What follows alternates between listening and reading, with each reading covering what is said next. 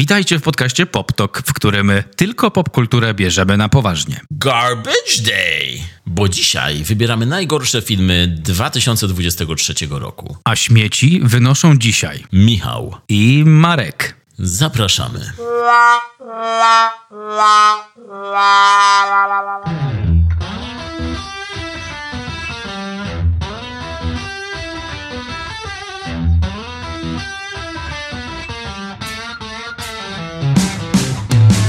Zaplanowałeś e, też na dzisiaj wynoszenie śmieci, Nie, za zimno jest coś ty. Czekam na cieplejsze dni. czyli czekasz za śmieciami, aż, e, aż rozkwitną i nie, na razie nie planujesz tego w, w miesiącu, żeby gdzieś tam kiedyś je wynieść. Na razie tak kumuluję je i e, trzymam na cieplejsze dni. Jak jest zimno, to wiadomo, nic się tam nie zalęgnie, nie będzie jakoś tam odoru żadnego, więc po prostu czekam. Ja to rozumiem, Michał, ja też nie planuję, ja trochę, ja w ogóle trochę się boję planować, wiesz, organizować e, dni na takie rzeczy. Na takie rzeczy jak wynoszenie śmieci. Tak, tak, wiesz czemu? Czemu? No bo dni kalendarza są policzone.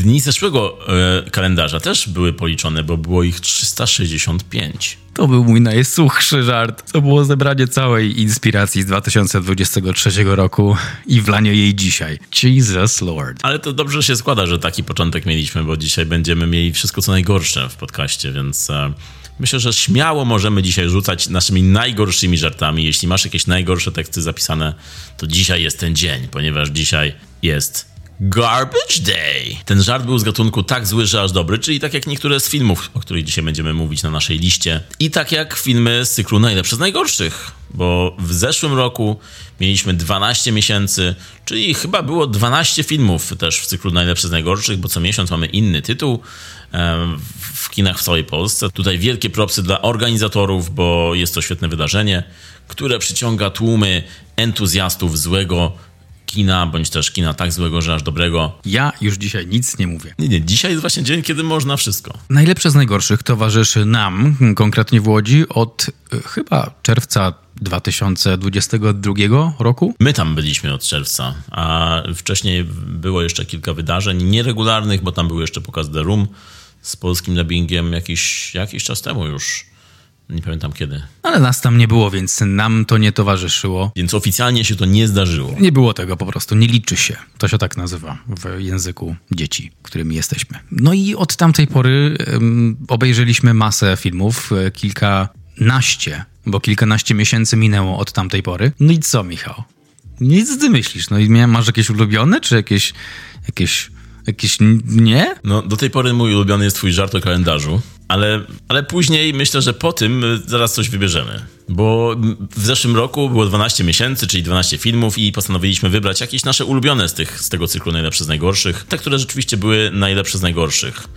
Czyli te, które, na których najbardziej albo naj, najgorzej się bawiliśmy, czyli najlepiej. To jest skomplikowane, bo to niby najgorzej, ale najlepiej to się wszystko tak, przeciwieństwa się przyciągają, wiadomo. Także mm, Marek, czy ty masz jakiś ulubiony swój film z tego cyklu, który obejrzeliśmy w zeszłym roku, który, który, w który wprowadziliśmy w zeszłym roku też? Mam, a ty masz, Michał? Słuchaj, Marek, mam. Wow, jak do tego doszło, nie wiem. Ale tak poważnie to e, mam jakieś filmy, natomiast nie, nie mogłem się zdecydować, który jest najlepszy. To jest zbyt trudne. Mam pewne highlighty z zeszłego roku, ale nie mam jednego, który mógłby powiedzieć całemu światu, to jest najlepszy wieczór, ponieważ było najwięcej czegoś. Każdy wieczór miał swój klimat i było e, czasem więcej śmiechu, czasem było więcej interakcji podczas prelekcji, czasem film był lepszy, ale nie było tyle reakcji ze strony widowni. Em, I don't know, man, I don't know. Tak, to prawda. My zawsze lubimy waszą interakcję, lubimy kiedy film bądź też prelekcja porywa tłumy i po prostu, te, i po prostu ci ludzie są w tym klimacie i, i dokładają od siebie swoje trzy grosze i to się często dzieje i to jest super. Te, lubimy tę energię na tych pokazach, bo to jest wyjątkowa, unikatowa energia. To może ja zacznę, może będzie łatwiej, kiedy ja zacznę. Ja, ja sobie tak podzieliłem na takie kategorie, bo stwierdziłem, że z zeszłorocznych pokazów najlepszych z najgorszych, takim oczywistym wyborem, tym najlepszym z najgorszych, byłby oczywiście The Room. Czyli y, zarówno w wersji z polskim dubbingiem, jak i w wersji oryginalnej. No to jest taki klasyk, który, który zawsze wypełnia wszystkie sale i, i zawsze się dobrze go ogląda. Dobrze, czyli źle, wiadomo, tutaj to się ze sobą łączy. Jasne, to jest zrozumiałe. Mhm. I ten The Room byłby takim chyba uniwersalnym wyborem. Ale żeby nie było za łatwo, stwierdziłem, że to byłoby zbyt łatwe, żeby tak wybrać. Nie wiem, czy ty też, też tak uważasz. Tak, to jest totalnie pójście na łatwiznę, więc y, czekam, Michał. Wszyscy czekamy, Michał. Cała Polska czeka, Michał. Polsko, dlatego właśnie ja wybrałem The Room. Jako najlepszy, czyli, ale to jest taki, taki mówisz, oczywisty wybór i to jest trochę tak, jakbyś chciał powiedzieć o piłce nożnej i o mistrzach i musisz, no musisz powiedzieć o Ronaldo, tak? To w taki sposób? Mm, mm, tak, tak, tak. Z Brazylią to nikt nie ma szans, tak? Wow. Czyli ty jesteś z tej dekady, kiedy Ronaldo jeszcze, ten starszy Ronaldo, ten co już jest brzuszkowaty i zawsze był łysy. Tak, tak. Wow, zawsze był łysy. Tak, ja pamiętam tego Ronaldo i był ten drugi. Ronaldinho. Nie, nie, nie to, to jest chyba nadal. Nie, nie, już, już nie gra, nie, już, w sensie żyje Tak. i ma Ale więcej włosów. Jest świeższy trochę niż Ronaldo. Jest trochę świeższy, Nie, wtedy, wtedy był taki drugi, podobnie się nazywał. Był Ronaldo i... Kurczę. I... Olisa Debe. Tak, tak, to był, trochę później był, ale był Ronaldo i ten... Kurczę, jak się nazywał? R- Roberto Carlos. Ronaldo i... O, kto mi pomoże? I... Chyba nie mówisz o Pele, Nie, nie. ale jakoś podobnie się nazywał? Podobnie, tak. Czyli też tam było Ronaldo w słowie Ronaldo, czy... Nie. Wow, słyszałeś to? Mam nadzieję, że to słyszałeś, bo nie wycinam tego. to Ronaldinho, dobrze. Ronaldo, jest, bo jest y, Ronaldo, Ronaldo, Brazylia, jest Cristiano Ronaldo, Portugalia. Tak, tak. Kogo Właściwie masz na myśli? to, dlaczego tak dużo jest tych Ronaldów? I don't know, man. To jest Kowalski piłki nożnej. Ale to oni są spokrewnieni, czy, czy co? Wyglądają jak spokrewnieni. Wszyscy są łysi. Dobrze, chyba musisz to wygooglować, bo Tak, mnie tak. napięcie mnie rozsadza. Tak, bo był, ten drugi był, rymował się jakoś z Ronaldo.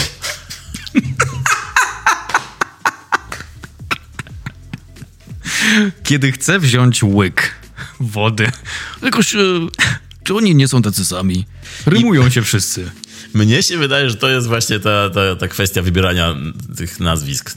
Że musi się rymować wśród piłkarzy. Dobra, sprawdzam, trudno. Czy sprawdzasz, co się rymuje z Ronaldo? Ronaldo i ten drugi. Wpiszę. Ronaldo i Ricardo? Nie. Ktoś będzie musiał nam pomóc rozwiązać tę zagadkę. Był drugi, był Ronaldo i, i Ricardo. Załóżmy. Wow. Ricardo to był chyba ten mem gościa, stripteasera, który tańczył. Nie mam pojęcia. Nie? To nie, Nie. był Sexy Ricardo jakoś tak? No oczywiście, że tak. Sexy Ricardo. Ale to chyba nie on. Wow. Wiesz Nie. jak wygląda? Bo jest trochę podobny do Ronaldo w sumie. Serio. Serio, trochę jest. Wow, a jeśli to Ronaldo przed piłką nożną? Before football, I was called Ricardo. Romario. Romario. Tak, był Ronaldo i Romario, ale on trochę wcześniej był, widzę. No ale tam parę lat wcześniej. 66, okej. To jest to, to są czasy FIFA, jak grałem na komputerze i każdy chciał być Ronaldo albo Romario. Ja nie rozumiem, Michał, ty masz... Zawsze jak mówisz o grach, to czuję się jakbym musiał wyjąć wszystkie swoje kable HDMI i je spalić. Dlaczego? Because it's so old, man. Romario? Nie znałeś Romario wcześniej? Coś tam, coś tam mi się obiło o uszy, ale... No nie wchodzą tak na język razem, Ronaldo i Romario? Na pewno wchodzą komuś na język. Dobra, myślę, że to jest moment, żeby zakończyć, bo widzę, że go, już gorzej ani lepiej nie będzie. No to słuchaj, d- y, powiedzieliśmy, że The Room to jest taki oczywisty wybór, więc dla mnie, gdybym ja miał wybierać najlepszy z najgorszych z zeszłego roku, to ja bym wybrał dwa filmy. Są w takim, na takim pierwszym miejscu zeszłego roku. I jest to. Zgadniesz? Według mnie jest to Sasquatch z Przedmieścia. Tak? Correct? Y, Pierwszy, tak? Tak. A drugi film to Siódma Komnata. Nie. Zabójczy trening. Nie. Jack Frost. Nie. No na pewno nie narkotykowe szaleństwo.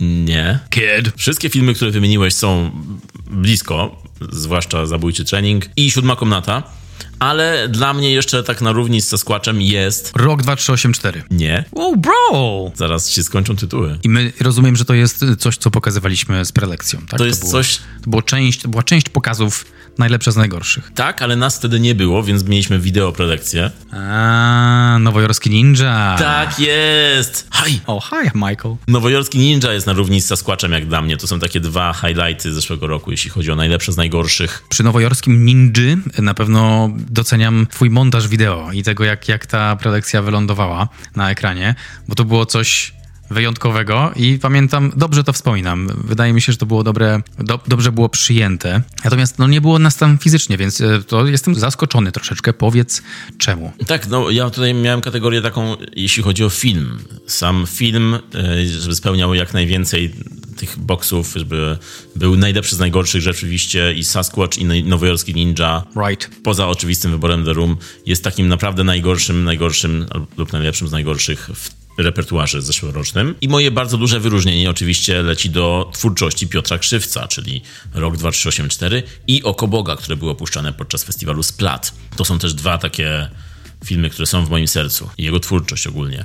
I też nasz odcinek o jego twórczości. I ogólnie wszystkie nasze odcinki o tych filmach, które właśnie wymieniłem. Pozdro. W nagraniu o najgorszych filmach zeszłego roku znajdują się wszystkie nasze odcinki. Autopromocja. No to powiedz mi, czy ty masz jakiś inny wybór? No ja nie mam przede wszystkim kategorii takich fajnych, jakie ty masz. Natomiast jeśli miałbym improwizować na szybko i podłączyć się pod te kategorie, to zdecydowanie Nowojorskie Ninja by tam wylądował. Zarówno film, Johna Liu, jak i zmontowana przez ciebie prelekcja. Te dwa filmy bym tam podłączył. E, z filmów też dla mnie ważnym był tytuł Siódma Komnata. Duży tytuł, duże postaci grały tam. No i duża inspiracja dla przyszłych filmów, dla filmów takich escape. No i też Jack Frost z tego samego powodu. Przyszła inspiracja dla tego pozytywnego Jacka Frosta, jakiego znamy, kochającego tatę uwięzionego w ciele bałwana. W oryginale e, seryjny morderca uwięziony w ciele bałwana. Jest różnica? I think there is. Taka minimalna. Ale tak, jako, jako inspiracja i w kategorii filmów to bym te dwa podał na pewno. Dobrze, no to mamy, mamy to. A jakie były wasze ulubione tytuły z repertuaru najlepszych z najgorszych? Dajcie nam koniecznie znać. No i też e, widzimy się niedługo na kolejnych najlepszych z najgorszych, bo już w styczniu będzie Ptakodemia 2. Także do zobaczenia niedługo, gołąbeczki. To był mój gołąb, e, to jest godowy gołąb. Aha, okej, okay, okej. Okay. Czyli taki już po obejrzeniu Ptakodemii 2. Ale jeszcze wytłumaczę jedną kwestię, albo raczej dopowiem, że w filmach, które znajdują się w najlepszych, najgorszych filmach z zeszłego roku, z cyklu Najlepsze z najgorszych, chciałbym jeszcze powiedzieć, że znajdują się tam Sasquatch z Przedmieścia. Dla mnie osobiście uważam, że film za ile? 250 dolarów i skrzynkę piwa? Chyba nawet bez, bez piwa. Może piwo bardziej by się przydało. Ale mm, za taki grosz ten film mi dostarczył tyle rozrywki i tyle emocji pozytywnych i widzom z, z, tego, co zauważyłem, więc ten tytuł na pewno tam ląduje. Jest tu jeszcze wspomniany przeze mnie wcześniej Zabójczy Trening. Ten film podobnie przyniósł mnóstwo pozytywnych emocji, dużo się uśmiałem. Um, pamiętam przy oglądaniu tego filmu przed seansem, przy jak się przygotowywaliśmy, no to to było, to było coś super zabawnego, więc do tego filmu też wracam i też polecam to jako doświadczenie z przeszłości. I masz go zresztą na półce u siebie, na honorowym miejscu. Rzeczywiście, mam go na DVD. Hmm? I możesz wracać kiedy tylko chcesz do niego. Także w tym roku może ci towarzyszyć przez każdą kartkę kalendarza, które są policzone.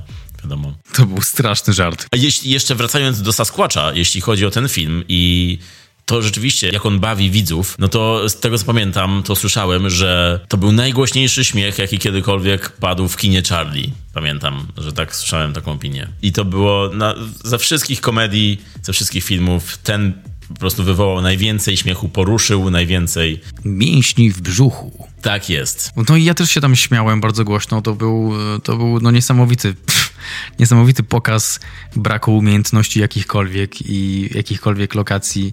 To jest, to jest przy, książkowy przykład tego, jak, jak, e, jak wygląda passion project e, ludzi, którzy nie mają pieniędzy na film albo nawet czasem, no nie wiem, może nie do końca pomysłu. I to było ciekawe doświadczenie, zobaczyć jak filmy powstają w różnych środowiskach. I jak ludzie w różnych miejscach świata widzą Sasquatcha. Tutaj na przykład widzieli go jako wielkiego goryla z zwisającym włochatym penisem między nogami. Brązowego. Tak, tak, tak. Także jeśli chcecie więcej naszych opinii o tym filmie, to zapraszamy do naszego odcinka o Sasquatchu z Przedmieścia, odsyłamy was tam. No to możemy przechodzić chyba do naszego Trash Top 2023. No to Marek, najpierw powiedz mi, tak jak e, analogicznie tydzień temu pytaliśmy, czy w zeszłym roku, czy zeszły rok był dobry dla kina, no to powiedz mi, czy zeszły rok był też tak, tak zły dla kina jak poprzedni? That's a loaded question. Musimy, dzisiaj robimy wszystko analogicznie do tamtego odcinka, więc musimy zadać to pytanie. Czy było dużo złych momentów w kinie? Ja nie miałem tak dużo złych momentów w kinie, Michał. Ale wiem, że było sporo złych momentów. Możemy to wywnioskować z komentarzy, jakie dostaliśmy na mediach społecznościowych, gdy spytaliśmy o to, jakie były najgorsze filmy według naszych słuchaczy w roku 2023. Ja tych doświadczeń nie miałem tak dużo. Y, mogę nawet wyliczyć, bo jest pięć na liście w rankingu i jest y, pięć wyróżnień z zeszłego roku. Wyróżnień, wypróżnień. To samo pomyślałem. Czyli takie pięć wypróżnień. Czyli tak, na tej liście zamiast wyróżnień będą wypróżnienia. To jest analogicznie. No ja miałem, wiesz co, właśnie tak jak patrzę na te komentarze też właśnie od naszych słuchaczy, rzeczywiście pojawiło się tu kilka tytułów, które albo nie widziałem niestety, bo na przykład słyszałem dużo złego o nowym podejściu do egzorcysty, czyli filmie Egzorcysta Wyznawca. Parę osób powiedziało, że, że musi być na liście, ale niestety ja go nie oglądałem, on szybko zniknął z kin, mimo że chciałem iść na niego, no to po pierwsze były złe opinie, po drugie szybko zakończył swój, swoje życie w kinach, bo nie było widzów, no więc jakoś mi umknął, ale na pewno go obejrzę. Padł też taki tytuł jak Napoleon, mm, który mówiliśmy tutaj, który ja osobiście nie uważam, żeby był jednym z najgorszych filmów tego roku. Na pewno jest rozczarowaniem, ale jak dla mnie nie jest, nie jest na mojej liście. Co tam padło jeszcze? Padł... E, Klan padł. Klan padł. AD 2023. A jak klan, to padły też wiadomości TVP. to wszystko jest połączone. Tak, to, te, te, tytuły są na liście. To nie jest tak, że my sobie wymyśliliśmy, ale chyba się podpisujemy pod tym. No właściwie wydaje mi się, że TVP upadło, ponieważ klan upadł. Tak, i dlatego, jako że klan upadł, no to gdzieś musieli to całe zło pomieścić i poszło w wiadomości. No i co tam jeszcze padło? Mamy bardzo dużo tytułów od Sylwestra. Od Sylwestra 2022. Od Sylwestra Stallone? No, rozumiem, że jest dużo pomysłów na to imię. Jest Sylwester taki dzień, jest Sylwester Stallone. Jest jeszcze kot Sylwester, który e, walczył z Tweetim, ale chodzi mi o Sylwestra, który napisał nam komentarz na Facebooku. On tu wymienił masę tytułów i niektórzy zarzucają mu masochizm. Tak, no ja nie zgadzam się ze, ze wszystkimi tymi tytułami, bo są tutaj też takie jak Indiana Jones nowy, który był dobrym filmem jak dla nas, bo go oceniliśmy w tym podcaście. Ja pamiętam, że miałem więcej zarzutów e, do niego niż, niż ty, ale, ale tak, no, na najgorszych na liście najgorszych bym go nie umieścił raczej. Padł też kilka razy tytuł Rycerze Zodiaku, czyli film Tomasza Bagińskiego, jego reżyserski debiut y, pełnometrażowy, ale, ale też tego filmu nie oglądałem. Oglądałeś? Nie. No właśnie, dlatego ten film też nie będzie niestety na naszej liście, a coś czuję, że on mógłby tam być. No ale tak, no było sporo propozycji od was, y, dzięki za wszystkie. No to może pora na, na naszą listę. Ja patrząc na tę listę od Sylwestra, to na pewno mogę się zgodzić z Shazam w pewnym stopniu, no bo u mnie też nie ma tego na liście, ale pe o pewnych tytułach zapomniałem.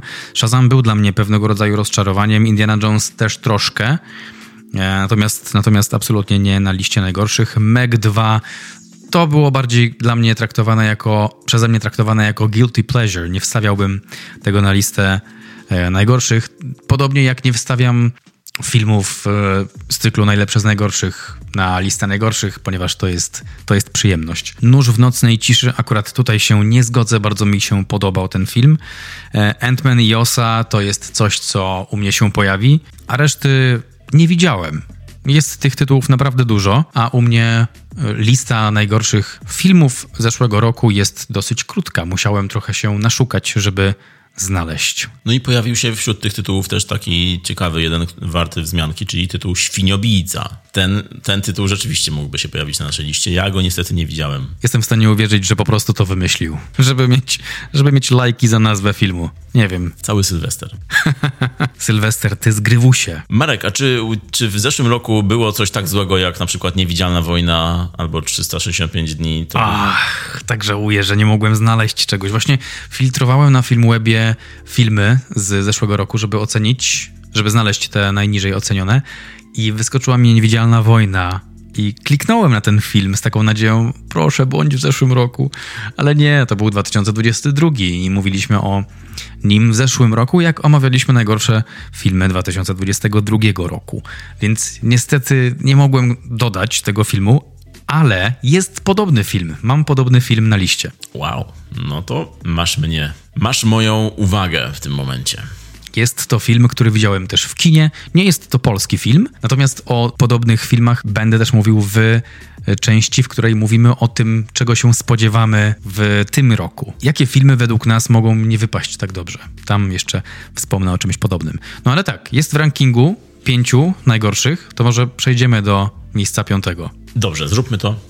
Powiem tylko, że o Niewidzialnej Wojnie mówiliśmy rzeczywiście rok temu i tam tamten trash top też polecamy wam, bo tam było dużo złego kina. A teraz rzeczywiście miejsce piąte albo miejsce srąte. Wiesz, że nasi rodzice, dziadkowie w naszym wieku już mieli piątkę dzieci. I nie używali takich słów na pewno jak my. A my wymyślamy nazwę do rankingu najgorszych filmów. Miejsce Sronte. Jestem dumny. W przeciwieństwie do naszych przodków. Oni by nie byli dumni. Um, anyway. Ale nie wiadomo jak z naszymi tyłkami. Czemu tyłkami? Przodki, tyłki. wow. Wow. Nasze tyłki mogą być kiedyś dumne. Wow, Michał, ty, to jest, to się nazywa poszerzanie horyzontów. Dosłownie. Czyli ci, którzy przyjdą po nas, to są analogicznie nasze tyłki. This is awful. Dobrze, no to w, naszej, w naszym trash topie pojawią się filmy, które miały swoją premierę kinową lub streamingową y, w Polsce w 2023 roku. I zaczynamy od, od miejsca piątego, czyli tego, który jest niby najlepszym z najgorszych. Właściwie to ciężko powiedzieć. Chyba jest najgorszym z najgorszych. Najgorszym z najgorszych jest, dobra, mm. okej, okay, bo to będzie tak. Right? Tak, no u mnie na liście, nie wiem jak na twojej, u mnie są takie filmy, które są po prostu bardzo złe i nieoglądalne, ale są też takie, które są tak złe, że aż dobre. Czyli trochę tak wymieszałem to. Tak, u mnie też, u mnie też. No to może zacznij, bo ty jesteś entuzjastą wrzucania kilku filmów w jedną pozycję. Co znowu zrobiłem oczywiście. Nie mogłem się powstrzymać. Także mój top będzie troszkę bardziej obszerny, ale nie aż tak bardzo. Dobrze, no to mam dwa filmy, z czego jeden jest bardziej znany, drugi mniej znany, chociaż oba to są takie szroty sensacyjno-thrillerowe. Kiedyś by powiedziało się o, o nich, że to są takie prosto na rynek VHS, Dzisiaj y, no, nie ma rynku VHS, więc to są takie filmy, które wyszły od razu na streamingu. Jeden z nich, ten mniej znany, to jest film pod tytułem Naśladowca. Kurczę, nie znam. Nie wiem, czy powinieneś żałować, czy się cieszyć. Oczywiście, że żałuję. My, Michał, takie filmy to my, my na śniadanie w kanapeczce zjadamy. Dlatego moja kanapeczka ma warstwy. Ma dwa filmy w sobie. Y, jeden z nich to właśnie jest Naśladowca, oryginalny tytuł Mind Cage. Film, który powstał w 2022 roku, ale swoją polską premierę miał na Amazon Prime Video w 2023. W 2023! Naśladowca jest to film z rodzaju jednego z tych przypadków dorabiania sobie gwiazd w tanich szrotach, czyli w tanich produkcjach na właśnie rynek streamingowy to jest taka tania podróbka Milczenia Owiec. Co masz na myśli mówiąc dorabiania sobie gwiazd? No bo takie gwiazdy, których jeszcze jakiś czas temu byśmy nie widzieli w tego typu filmach, tylko byśmy widzieli w filmach kinowych, filmach dużych, filmach, o których się mówi, a tymczasem film Naśladowca, o którym nikt prawdopodobnie nie słyszał i film, który jest bardzo zły. W nim główne role grają John Malkovich, wow. Martin Lawrence. Ten, ten z diamentowej afery, z Bad Boys? Ten sam, ten sam. I Robert Knepper. Tu akurat mm, macie prawo nie znać, ale on jest y, przede wszystkim znany z roli w, w serialu Skazany na śmierć, Prison Break. Jako T-Bag, pamiętam go. Proszę nie. Czemu? Zmyślasz to teraz. Nie, nie, nie, nie. E, chodzi ci o T-Bag, o ksywę? Jakbyś powiedział, że ktoś ma na imię Blowjob. No, on miał tak na, na, tak, tak na niego wołali, także no co no. Robert Knepper poznaje ten ryjec. To jest taki antagonistyczny ryjec, prawda? Tak, bardzo ładnie to ująłeś, jak na ten odcinek przystało. No i wyobraź sobie, że tutaj John Malkovich gra seryjnego mordercę, który siedzi w więzieniu i do którego musi zwrócić się pani detektyw, żeby on pomógł złapać mordercę, który obecnie grasuje. Czyli oczywiście milczenie owiec, wiadomo. Tylko, że John Malkovich gra tutaj takiego mordercę artystę, który siedzi już tam od lat w tym więzieniu, się zasiedział i tam sobie rzeźbi, maluje w, tym, w tej swojej celi. W ogóle jego cela ma jakieś 40 metrów kwadratowych. Uuu, ładnie, ładnie, ładnie. Tak, ma tam dostęp do wszystkiego, ma różne tam, ma różne te em, płótna, ma akcesoria do rzeźbienia, w ogóle super więzienie. To jest taka, taka... To jest tak, takie norweskie więzienie. A, może. Myślałem, że taka pochwała systemu więziennictwa w Ameryce, że, że u nich tak dobrze jest siedzieć w więzieniu. Okej, czyli to jest film osadzony w Stanach i teoretycznie tamtejsze realia ten film pokazuje. Tak, no i John Malkovich gra tam takiego seryjnego mordercę, który jak oglądałem, to miałem wrażenie, że to jest właśnie jego Cyrus the Virus z filmu Con Air. Taki 30 lat później, tak właśnie złapali go po tym Con Air na koniec i teraz 30 lat później on siedzi w więzieniu, tam rzeźbi sobie i pomaga agentkom FBI rozwiązywać e, inne śledztwa. Rozumiem, że Malkowicz, będąc Malkowiczem, czy brzmi jak Malkowicz w tym filmie? Czy, czy jest ta jego progresja tonalna, jak w każdym filmie? I am missing my tools for sculpturing. Give me my... John, co ty tu robisz? I am not here, really. I am in that movie. Wow! Czyli upadłeś już tak nisko, że występujesz gościnnie w tym podcaście nawet. Yes, yes, this is my new source of income. Gdyby ktoś e, się nie domyślił, to był Marek udający Johna Malkowicza, to nie był prawdziwy John Malkowicz. To był jedynie John Markowicz. Nice. Zaczekaj z następnym nazwiskiem, zobaczymy, co zrobisz. No i on na tym filmie widocznie, widocznie musiał coś zarobić, bo, bo zdecydował się zagrać w tym, w naśladowcy. Jest tu też Martin Lawrence. Nie, nic? Okej. Martin Lawrence, czyli Marcus Burnett, chociażby z Bad Boysów. Ten sam, który grał w Agencie XXL, w Diamentowej Aferze. Ten, który zaczynał jako komik, który jest znany z ról komediowych. On tutaj gra poważną rolę detektywa. Wow, no to trzeba to zobaczyć, Michał. To dzisiaj zamiast Ptakodemii. Ale wyobraź sobie, Martin Lawrence, patrzysz na niego i musisz brać go na poważnie. Bardzo chętnie lubię przełamywać takie zakonserwowane myślenie o danej postaci. Lubię to trochę. Wiesz co, ja myślałem, że też lubię, ale tutaj w tym filmie okazało się, że bardzo tego nie lubię. Po prostu on wypadł tam strasznie, bardzo źle. On grał tam detektywa i za każdym razem, jak mówił jakąś dramatyczną kwestię, to ja, ja po prostu zaczynałem się śmiać odruchowo. A to chyba, to chyba źle, tak nie powinno chyba być. I mówił z tym swoją miną się taką. Okej. Dla wszystkich słuchających Michał pokazał teraz minę Martina Lorenza. Te kąciki ust uniesione, takie te oczy, że tak... Nadal pokazuje. Słyszycie to, prawda? Także Martin Lawrence, który gra tu na poważnie, to jest, tego się nie da ominąć w tym filmie. On, to jest bardzo, bardzo zła rola i dobra, wejdę, wejdę w spoilery, ponieważ e, nie wiem, czy ktoś z was to obejrzy, czy nie. Ten film jest dostępny na Prime, jeśli chcecie, to przewincie teraz sobie jakieś 30 sekund.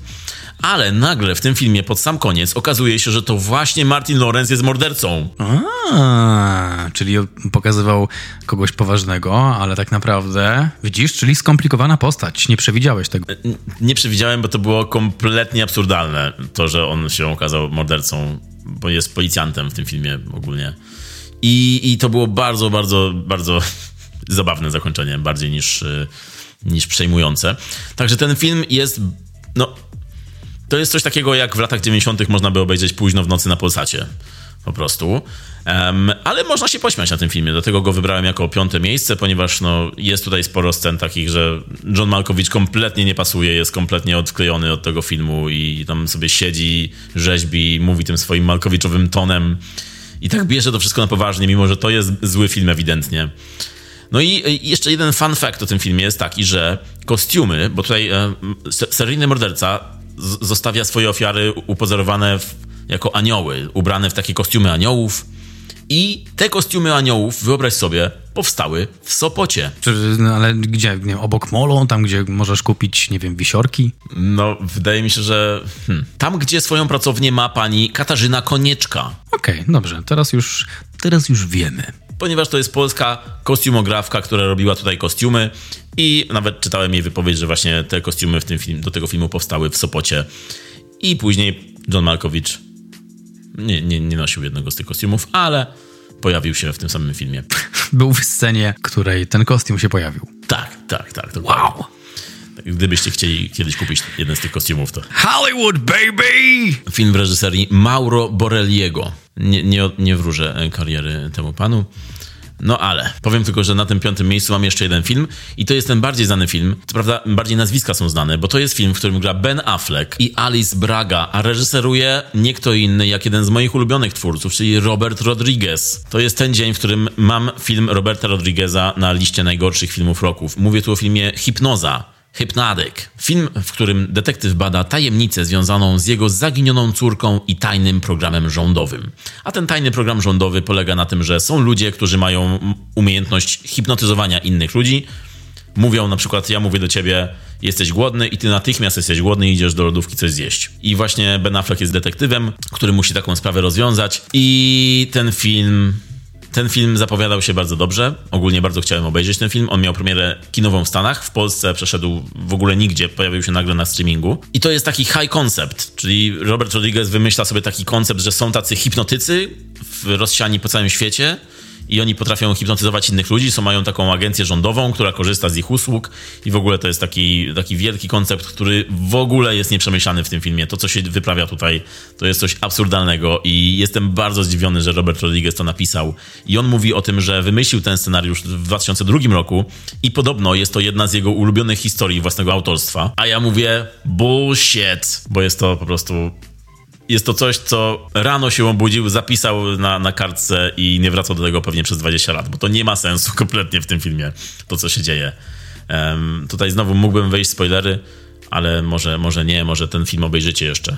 E, bo warto, warto, bo to jest, to jest tak, jakby Robert Rodriguez chciał zrobić swoją incepcję Nolana, jakby chciał być takim Nolanem, więc wziął ten schemat zmienił parę rzeczy, tak jak na przykład w e, Incepcji w finale jest ten, ten bączek, co się tak kręci, to tutaj on po prostu zmienił to na domino. Tutaj domino się jakby tam... Kręci. Mm, Jasne, tak, pewnie. Tak, no, tak, tak, potrafi to robić. No i po prostu jest to ten, ten, schemat, tylko że to wszystko nie ma sensu. Jak pomyślisz troszkę dłużej nad tym, nad tym, co się dzieje na ekranie, to po prostu masz 10 od razu pytań do tego i 10 odpowiedzi, które podważają to, co się dzieje na ekranie. I to jest Naprawdę. Czyli Tenet. Co ty teraz do mnie mówisz? w, moim, w moim postrzeganiu to, co teraz opisujesz, to jest Tenet. Masz 10 pytań, wszystkie odpowiedzi nie mają sensu, podważają, co się dzieje. To jest Tenet, Michał. Dla mnie Tenet ma sens. Te nie ma. Te ma. Ten żart nie ma sensu.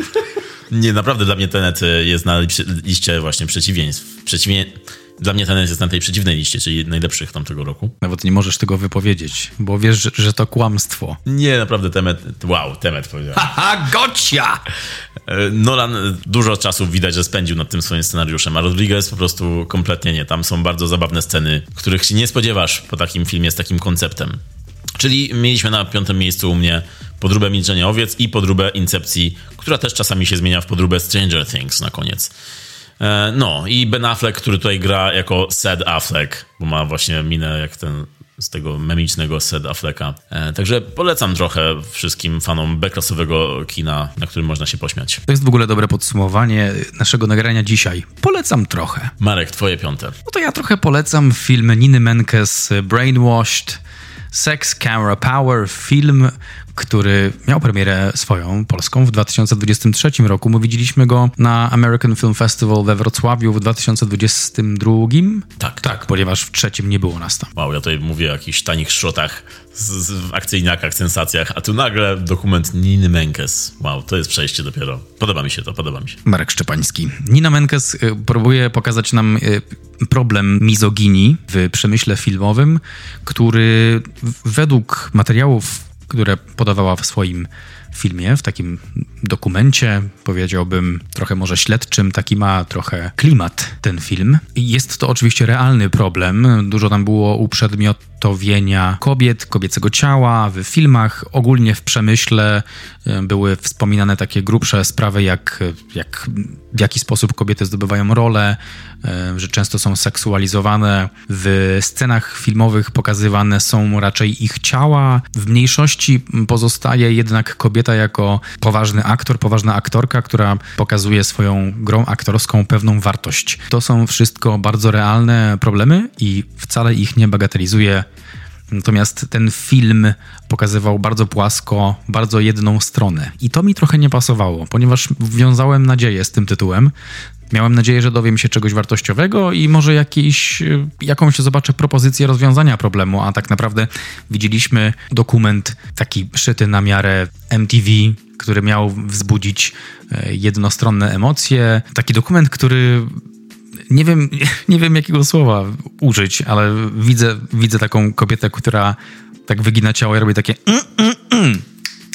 You don't know me. Taka trochę narcystyczna postawa, że to jest jedyna strona i w taki sposób widzimy cały problem i w ogóle to ty, człowieku, który to oglądasz, jeśli masz inne zdanie, to nie masz racji YOLO lub nara. To mi się mu trochę nie podobało. Chciałbym trochę głębiej wejść w ten problem, ale niestety nie było mi dane, ym, nie wiem, takie miałem, tak to odebrałem. Pamiętasz ten film? No właśnie, ja pamiętam, że on był, ale ja go nie widziałem. Ja wtedy nie byłem na tym akurat, więc niestety nie mogę się odnieść do tego, co mówisz w żaden sposób, ani umieścić go na żadnej liście, bo kiedyś go nadrobię pewnie, ale, ale nie wiem kiedy. To ja umieszczam go na liście trochę polecam i czekam na twoje, na twoje miejsce czwarte. Podoba mi się ten eklektyzm teraz tego, co, co robimy. Ja mam tutaj takie wow, tak złe, że aż dobre, a ty masz po prostu jednostronny dokument. Poczekaj, kolego. Zaraz dołączę do twojej imprezy. Jeszcze jestem, wiesz, w tramwaju, dojeżdżam. Bardzo się cieszę, to mi się podoba. No to ja troszkę idąc tropem tego, co ty powiedziałeś, bo mówiłeś tu o sposobie portretowania kobiet w przemyśle filmowym. Na czwartym miejscu mam dwa filmy, które właśnie są są tym, co, co, co mówisz. To są takie typowe komedie romantyczne, w których kobiety są głównymi bohaterkami, ale są bardzo jednowymiarowe i pokazywane jako te, które po prostu, których sensem, celem istnienia jest szukanie faceta. E, są to dwie komedie romantyczne Netflixa i jedna polska pod tytułem Dzisiaj śpisz ze mną. Okej, okay, a jak się nazywa film? Musiałem, musiałem, musiałeś, sorry. Musiałeś. No, no to powiem ci, że tak. Ja mam, ten film nazywa się Dzisiaj śpisz ze mną i ja rzeczywiście wtedy z nim spałem. Wow. Ale dostarczenie. Bo był taki nudny oczywiście. Mm, mm. Był bardzo nudny, męczący. To jest typowa polska komedia romantyczna z białym plakatem. Z tym, że Film mógłby być kiepski, ale ten plakat zawsze musi być biały. Co za szmira. Bo polskie komedie romantyczne mia- mają białe plakaty zazwyczaj. Okej, okay, to jest, czyli było, czyli było w kanonie, to nie wiem czemu się czepiasz. Wait. Z tym, że ten film ma nawet gorzej, bo jego plakaty wyglądają tak, jakby nawet nie zatrudnili grafika, tylko wzięli jakiś jeden z trzech dostępnych fotosów filmu i po prostu nakleili na ten fotos tytuł filmu i tyle. I logo Netflixa i koniec. Ten film w ogóle wygląda bardzo tekturowo Opowiada o nieszczęśliwej w małżeństwie kobiecie, która spotyka w pracy, przypadkiem oczywiście, byłego faceta i dalej wiadomo, co się dzieje. I teraz sytuacja rodzinna tej kobiety, granej przez Romę Gąsiorowską. Sytuacja rodzinna jej wygląda tak, jest tam zarysowana po prostu tak karykaturalnie. Jej, ona siedzi z dziećmi, jej mąż przychodzi z pracy do domu i od razu zaraz, wiesz, rzuca torbą i już, gdzie jest moje jedzenie? ja tutaj, e, ty nic nie robisz, ja muszę jechać poszukiwać siebie, więc w 15 minucie filmu wyjeżdża gdzieś na jakąś wielką e, wycieczkę z plecakiem po świecie, mimo że ma żonę i dwójkę dzieci i on jest, po prostu jest tak złym mężem, że po prostu nic dobrego w nim nie znajdziesz. Kiedy mają swoją rocznicę i mają przed sobą tort ze świeczkami, to on co robi? On po prostu tak z zamachem, tak zdmuchuje świeczki, nawet nie czeka na nią. To jest po prostu tak pokazane wszystko, wiesz, tak zabawne to jest, tak karykaturalne, że wow, głowa pęka. Nie widzę w ogóle problemu. To, że jakby chcesz poszukać siebie? Fuck, why not? Chcesz zdmuchnąć świeczki? Przecież to też twoja rocznica. Pomyślałeś życzenie? Fucking do it! Na wszystko mam czekać? Już rozumiem, dlaczego nie lubisz tego dokumentu Niny Menkes. Jaka mizoginia. Nie widzę problemu. No, także jest to typowy zestaw polskiej komedii romantycznej. Jest tam cringe, są niezrozumiałe dialogi, są głupi bohaterowie, bardzo jednowymiarowi bardzo źle zagrani. Roman Gąsiorowska jest tutaj strasznie drętwa, a jej mąż grany przez Wojciecha Zielińskiego, no właśnie tak jak powiedziałem, jest tak jednowymiarowo zły, że po prostu to jest niemożliwe, żeby taki człowiek istniał na świecie po prostu. No i jest też oczywiście, jak to zwykle w tych komediach polskich bywa, jest product placement wszędzie dookoła naszych bohaterów. Jest też praca, która nie wygląda jak praca. Oni pracują w, w, w jakiejś redakcji, i jedyne co muszą robić, to sobie siedzą przy biurkach, rozmawiają, flirtują, a później jadą zrobić parę zdjęć gdzieś w jakąś piękną okolicę i też dalej flirtują sobie tam. Także no jest to bardzo odrealnione wszystko, bardzo, bardzo złe i po prostu nie mogę uwierzyć, że w 2023 roku Netflix produkuje taką polską komedię romantyczną, w której wszystko jest naprawdę złe i nudne i męczące. A jeszcze, do, jeszcze kończy się to jakimś nagle nie wiadomo skąd dramatem i zostawia widza z, sytuacją, która macie niby zdołować, ale po prostu you don't care. Nie ma, nie ma to, nic tu nie ma sensu. Taki hallmark na Netflixie. I co najgorsze, jeszcze ten film był w światowej topce Netflixa, gdzieś tam na szczycie, kiedy wyszedł polski film był na, na, całym świecie oglądany przez ludzi. I wyobraź sobie, co teraz ludzie na świecie muszą sobie o nas myśleć. Najpierw dawaliśmy, najpierw daliśmy im 365 dni, teraz im to dajemy. To są nasze te produkty eksportowe, naprawdę? Jest jeszcze węgiel. Okej, okay, dobrze, zawsze mamy węgiel.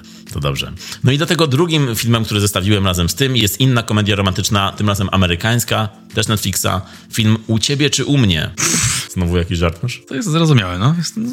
Czyli Stany też potrafią w cudzysłów udane produkty eksportowe. Tak. I tutaj jest o tyle gorzej, że polska opcja jest niby gorsza, ale tutaj jest o tyle gorzej, że w tym filmie grają Ashton Kutcher i Reese Witherspoon więc naprawdę duże nazwiska. Pojawiają się tam też w epizodach jakieś znane twarze. Jest to też komedia romantyczna. Jeśli istnieją jakieś odrzuty polskich komedii romantycznych z Maciejem Zakościelnym, to to jest właśnie jeden z nich. Taki odrzut polskiej komedii, którą Zakościelny powiedział, nie będę grał, więc Ashton Kutcher i Reese Witherspoon stwierdzili, e, to będzie dobre i zrobili to. To jest, to jest tak banalny film, po prostu tak wysilony i nudny, który pozuje na komedię romantyczną, a bohaterowie przez cały film są osobno. Do tego nie, nie czuć w ogóle chemii między nimi. No jest to strasznie wszystko wysilone i jeszcze 20 minut pierwszych to jest taki, taka ekspozycja, po której mówimy, ok, rozumiemy, wiemy, że na koniec filmu będziecie razem, przejdźmy już do sedna, a ten film trwa dwie godziny, więc to jest też najgorsze. Ten banał taki typowy, nudny trwa dwie godziny, męczące dwie godziny. Także no, takie dwie bardzo nieudane komedie dramatyczne, jak jakieś naprawdę śmietnik lat 90. pojawił się nagle na, net, na Netflixie. Fajnie, fajnie. Sign me up. Tyle powiem. Tego akurat nie polecam. Tych dwóch tytułów nie polecam, nawet jeśli lubicie złe filmy. Nawet trochę? Naprawdę, to jest bardzo męczące doświadczenie to było. Nie. Zmęczmy się razem, Michał. U ciebie czy u mnie? Dzisiaj śpisz ze mną. Uuu. Marek, czwarte miejsce. Właściwie, przepraszam, miejsce srarte. Puchatek Krew i Miód, horror, który, no właśnie nie do końca rozumiem czemu, ale dałem temu filmowi jeden. Ale no, i później sobie przypomniałem, hej mordo, dałeś temu filmowi jeden, bo go nie polubiłeś, ale potem pomyślałem, że jest sequel i z tym, wraz z tym sequelem jakoś tak łaskawiej spojrzałem na swoją ocenę, bo mam większą nadzieję na to, że to się rozwinie w jakimś fajnym kierunku. Again, nadzieję. Natomiast ta pierwsza część była, z tego co pamiętam, to była taka seria strasznych w cudzysłowie rzeczy, scen, które nie były straszne. I jedyne, co mi się podobało w tym filmie, to stroje. Tak kojarzę, że charakteryzacja była w miarę ok. Pomysł w ogóle bardzo oryginalny. Tak weźmy jakąś fajną postać z dzieciństwa i ją zniszczmy. Fajny pomysł. To było ok, ale, ale wykonanie już takie fajne nie było. Pamiętam, że razem oglądaliśmy ten film. Czy ten film jest u ciebie na liście? Jest u mnie na liście. Jest. Wow. Jest, bo to był bardzo, bardzo zły film. I powiedziałeś, że sequel, rzeczywiście sequel wyjdzie w lutym tego roku, czyli już niedługo. Wow, to już zaraz. Tak, więc musimy się przygotowywać na to. Na Puchatka 2. Na Chatkę Puchatka. Nie, nie wiem, jaki będzie polski tytuł, ale to byłoby dobre. No bo z tego, co pamiętam, już mówiliśmy o tym w odcinku osobnym o tym filmie, to prawa do postaci się zwolniły po prostu i te postaci są w domenie publicznej Puchatek był wtedy, jak kręcili w domenie, domenie publicznej, ale na przykład Tygryska nie było w tym filmie, bo tak. jeszcze był zajęty. Pewnie brykał akurat. No i e, w każdym razie Tygrysek podobno pojawi się, chyba to był Tygrysek, pojawi się w drugiej części, bo już domena publiczna już weszła tutaj na Tygrzyska. Także tak, także na pewno obejrzymy. Zresztą ostatnio był, był słynny przypadek Myszki Miki, która też weszła do domeny publicznej i też już od razu momentalnie zaczęli kręcić horror z Myszką Miki. Także to jest teraz nowa rzecz, która się będzie działa. Horrory niszczące nasze dzieciństwo. Właśnie w tym miejscu jesteśmy jako społeczeństwo, kolektywnie bierzemy rzeczy z dzieciństwa, które były piękne i robimy z nich e, horror. Więc okej, okay, fajnie, fajnie, spoko. Bambi też jest w przygotowaniu. Tak, tak, tak. No Bambi to mnie trochę przerażała zawsze. To teraz będzie jeszcze bardziej przerażała. No właśnie nie wiem, czy ktoś przebije to moje meandra. Czyli teraz będzie bardziej taka dostęp, przystępna będzie bardziej do ciebie w tej wersji chyba nawet. Zobaczymy. Pewnie będę patrzył na ekran i mówił, no, mówiłem, Mówiłem? No ale to jest, to jest tak, to jest właśnie kondycja społeczeństwa. No dobrze, czyli Puchatek jest u ciebie i tak dosyć um, wysoko. Czy nie, czy nisko właściwie, daleko. No dobra, to miejsce trzecie, a właściwie miejsce... Srecie? Ja tutaj mam czwartą część pewnej sagi, właściwie serii kina akcji. Film, który bardzo nie wyszedł. I co najlepsze, wiesz o czym mówię już, powiedz to. Czy mówisz o niezniszczalnych? Tak. Też mam to na trzecim miejscu! No to zobacz, trzecie miejsce nas połączyło. Zobaczymy, co będzie dalej. Niezniszczalni 4 to jest, y, to jest film. Wyobraź sobie, że to na moim koncie na Filmwebie to był film, który oceniłem. To był film numer 5000. Pięciotysięczny film, który oceniłem na Filmwebie i takie coś. Taka kupa. To jest parodia tego, czym była ta seria do tej pory. Mieliśmy nagrany już odcinek na ten temat i oczywiście odsyłamy was do tego odcinka, ale to jest naprawdę przyjemna seria, która przy swojej czwartej części stała się nagle po prostu takim skokiem bez spadochronu na główkę. Nawet sam Sylvester Stallone się wywinął z tej części po 10 minutach i udał swoją śmierć po to, żeby przesiedzieć cały film na ławce i pojawić się na sam koniec, bo może będzie jakiś sequel, który będzie lepszy. I większość aktorów z poprzednich części tak zrobiła, po prostu się wywinęli. Został tylko 50 Cent, nowy nabytek. Co ciekawe, 50 Cent, który kiedyś, przy okazji wcześniejszych części, odrzucił rolę, którą grał później Terry Crews. Oryginalnie to właśnie 50 miał być tej, miał pojawić się w tej roli, ale stwierdził, że chce się wtedy skupić na muzyce. I właściwie chyba dobrze, bo dzięki temu mamy w tej czwartej części scenę z jego kawałkiem PIMP.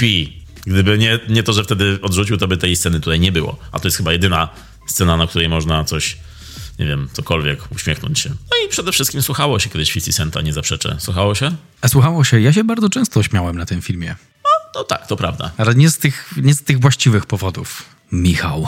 I pamiętam, że przyniósł nam ten film sporo dobrych wrażeń. Takich, e, no, skrinżowaliśmy się na maksa. Musieliśmy potem spędzić pół roku na terapii, ale było warto, ponieważ tam był Sylwester. Sylwester Sylwester z dwójką, jak to przeczytałem w nagłówku jednej z recenzji. Zgadzam się z tym, co powiedziałeś teraz i zgadzam się z tym, co napisałeś na Filmwebie. Kto by pomyślał, że takie barachło czytał Michał Miller? Tak, lubię słowo barachło.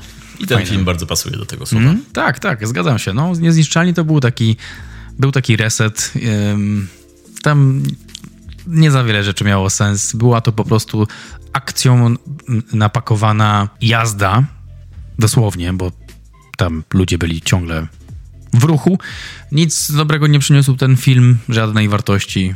Pokazał się, zniknął, nawet jak na w kino akcji, nawet ta, jazda była bardzo powolna i ta, ta akcja była straszna, zła i nawet źle wyglądała, bo tam były ujęcia niektóre ujęcia z Johna, o czym mówiliśmy już kiedyś, były takie brzydkie, rozmazane, jakby po prostu, jakby wrzucili filmik z, nagrany telefonem w połowie dużego filmu. Ojej, rzeczywiście, było takie coś.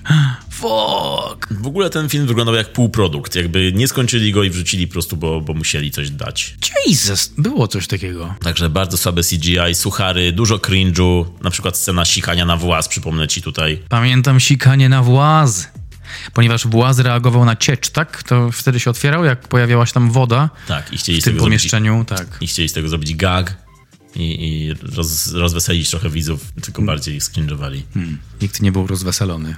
Chociaż znam ludzi, którzy byliby rozwe rozweseleni hmm? tą sceną. Typa, sika. Dobrze, Marek, dobrze, przyznaję, powiedziałem tak podczas seansu, dobra. No to miejsce trzecie e, dzielimy, łączy, łączy nas to miejsce i, i dzielimy je, więc stoimy tam na podium wspólnie.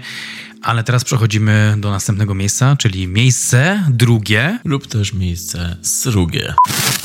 Michał, co tam masz? Bo od razu mówię, nie spotkamy się na pierwszym miejscu. Nie ma takiej szansy. Mm, ja już też wiem, że, nie, że się nie spotkamy na pierwszym miejscu, ale na miejscu drugim mam film. O, to będzie, dobra, to będzie, to będzie nisza. Tego, tego nie wiem, czy ktoś będzie znał ten film, ale ten film ma tytuł The Honeymoon Podróż poślubna. A, no okej, okay, ale jesteśmy w podobnym klimacie hmm. w tych hmm. miejscach na podium. E, to opowiadaj, co tam się działo, oprócz tego, że była to podróż poślubna. No jest to film z 2022 roku, ale polską premierę miał na Prime Video w 2023 w styczniu pojawił się. Tak na dobry początek roku stwierdzili, że wiesz, zepsujemy im wszystko. Czy to był dobry początek roku? To był straszny początek roku. A, bo powiedziałeś, że zepsujemy im wszystko, więc e, zepsuli ci wszystko. Ten film jest tragiczny. To jest komedia romantyczna. Kolejna na mojej liście w ogóle. Fajnie, Michał. E, Od jak dawna jesteś nieszczęśliwy? No bo komedia ogólnie to ciężki kawałek chleba. Ale naprawdę czerstwa komedia może stanąć w gardle i cię udławić. I tak jest właśnie z tym filmem. Stanął mi w gardle i udławił mnie. Michał, rozwinij to szybciej, bo... Idę z tym gdzieś. Ale brzmi jak tragiczny film. Jeśli twoje analogie dotyczą pieczywa, to jest, jest bardzo źle. Rozumiesz, czerstwe. To i to jest czerstwe. Nie, jasne, tak. I get it, I get it. No to wyobraź sobie, że to jest film, y, którym, który zainteresował mnie przede wszystkim dlatego, że główną rolę gra tam Maria Bakalowa, czyli y, ta, która wybiła się dzięki roli w Boracie drugiej części. Grała córkę Borata. Później dzięki tej przełomowej roli, za którą dostała nominację do Oscara, y, zagrała w filmie Bodies, Bodies, Bodies i zagrała też w Strażnikach Galaktyki numer 3. Czyli e, kariera się przed nią otworzyła i i ja ją w tych wszystkich wymienionych filmach bardzo polubiłem. Ona naprawdę okazała się takim objawieniem dużym aktorskim. Ona jest bułgarką z pochodzenia i właśnie dzięki temu, że robi karierę w Hollywood, ja obejrzałem film The Honeymoon, który był reklamowany właśnie jej twarzą. Ona ten film też wyprodukowała w ogóle. Ona, nie wiem dlaczego, nie wiem co jej strzeliło do głowy, ale naprawdę, że po Boracie Bakalowa wzięła tak prostacko głupią komedię, w której jedną z głównych postaci jest po prostu bardzo irytująca podróbka Borata. Tam jedna z postaci po prostu jest tak jakby Borat, jak Borat z lat 80. powie- powiedzmy, z, z serii Lody na patyku. O, to jest, to jest mm, film, do którego bardziej pasuje ta postać. Grana, postać grana przez Asima Chowdhury. Tragiczne, tragiczne to było. Poczucie humoru tego filmu to jest taki klozet zamknięty na wszystkie spusty. Kurczę, zamknięty. A, to słabo. Ale no, nie, nie przejmuj się, bo właśnie ten bohater tego filmu, on i tak będzie tam próbował coś zrobić, mimo że jest zamknięty. I to będzie gag w tym filmie. Strasznie, strasznie zła komedia, która opowiada o parze nowożeńców, która udaje się w podróż poślubną i biorą ze sobą swojego przyjaciela męża biorą. I ten przyjaciel to jest taki na zasadzie Stiflera z American Pie, że on po prostu co chwilę coś śmiesznego robi, z tym, że wszystko co robi to jest cringe totalny, to jest po prostu wszystko jest irytujące. Każda decyzja komediowa, jak i fabularna w tym filmie wywoływała po prostu wielkie, wielką konsternację u mnie. No i było to bardzo wszystko niesmaczne, wszystko było bardzo głupie i po tym filmie czułem się taki brudny, zbrukany po prostu się czułem po tym filmie. Nie polecam tego filmu nikomu, bo jest bardzo, bardzo zły. Chyba, że lubicie taki cringe, oglądacie i lubicie taki po prostu taki cringe, że was skręca w środku aż, to, to wtedy okej. I najlepsze w tym filmie było to, że na sam koniec, w napisach, po, po zakończeniu, napisom towarzyszyła tak, taka, takie nagranie z planu, w którym właśnie ten aktor, Asim Chaudhry, grający właśnie najgłupszą postać całego filmu, na planie oświadcza się swojej prawdziwej żonie. Czyli jedna ze scen zmieniła się w scenę oświadczyn, tak, bo chciał ją zaskoczyć. I po prostu ten film, w tym momencie stwierdziłem, okej, już rozumiem. Ten film powstał po to, żeby ten gość mógł zaskoczyć swoją żonę i mógł się jej oświadczyć. To był po prostu jakiś jeden wielki scam i wszyscy stwierdzili, że okej, ten film tak naprawdę nie, nie wyjdzie nigdzie, to wszystko było tylko po to, żeby on mógł zaskoczyć swoją żonę. A tutaj nagle ten film ktoś wypuścił przypadkiem. Tak, tak dla mnie wyglądała historia tego filmu. Także to jest mój numer dwa. Marek, jak jest u ciebie? No to wow, po pierwsze. Po drugie, nie mam pytań. Jakby nawet nie chcę. Cieszę się, że skończyłeś. Tak, to był rant bardzo długi i emocjonalny, ale tak, już jestem po, już wyleczyłem się z tego. Ale jesteśmy w klimacie, zostajemy tutaj, moi drodzy, ponieważ film, o którym ja będę mówił, który pojawił się na moim, na moim miejscu drugim, to film Beautiful Disaster. Reżyser to Roger Campbell. Roger Campbell. Piękna katastrofa. To jest człowiek, który robił jakieś komedie w latach 2000 chyba i 90 ten Roger Campbell. A, nawet on zrobił nawet szkołę uwodzenia swojego czasu. Zrobił szkołę uwodzenia swojego czasu nawet? Tak. Sprawdzam go, bo nie znam tego filmu, zaciekawiłeś mnie teraz swoją, e, swoim wyborem, także tak, proszę, dawaj. Jak życie potrafi się zmienić. Kiedyś szkoła uwodzenia, dzisiaj szkoda obejrzenia. Jeśli chcecie wiedzieć, jak wygląda związek, którego nigdy nie powinien mieć żaden człowiek na świecie, to jest podręcznikowy przykład. To jest właściwie dokument. Jeśli kiedyś uważaliście, że byliście w toksycznym związku, toksycznej relacji, coś nie wyszło, ale kochaliście tę osobę lub wciąż kochacie, ten film.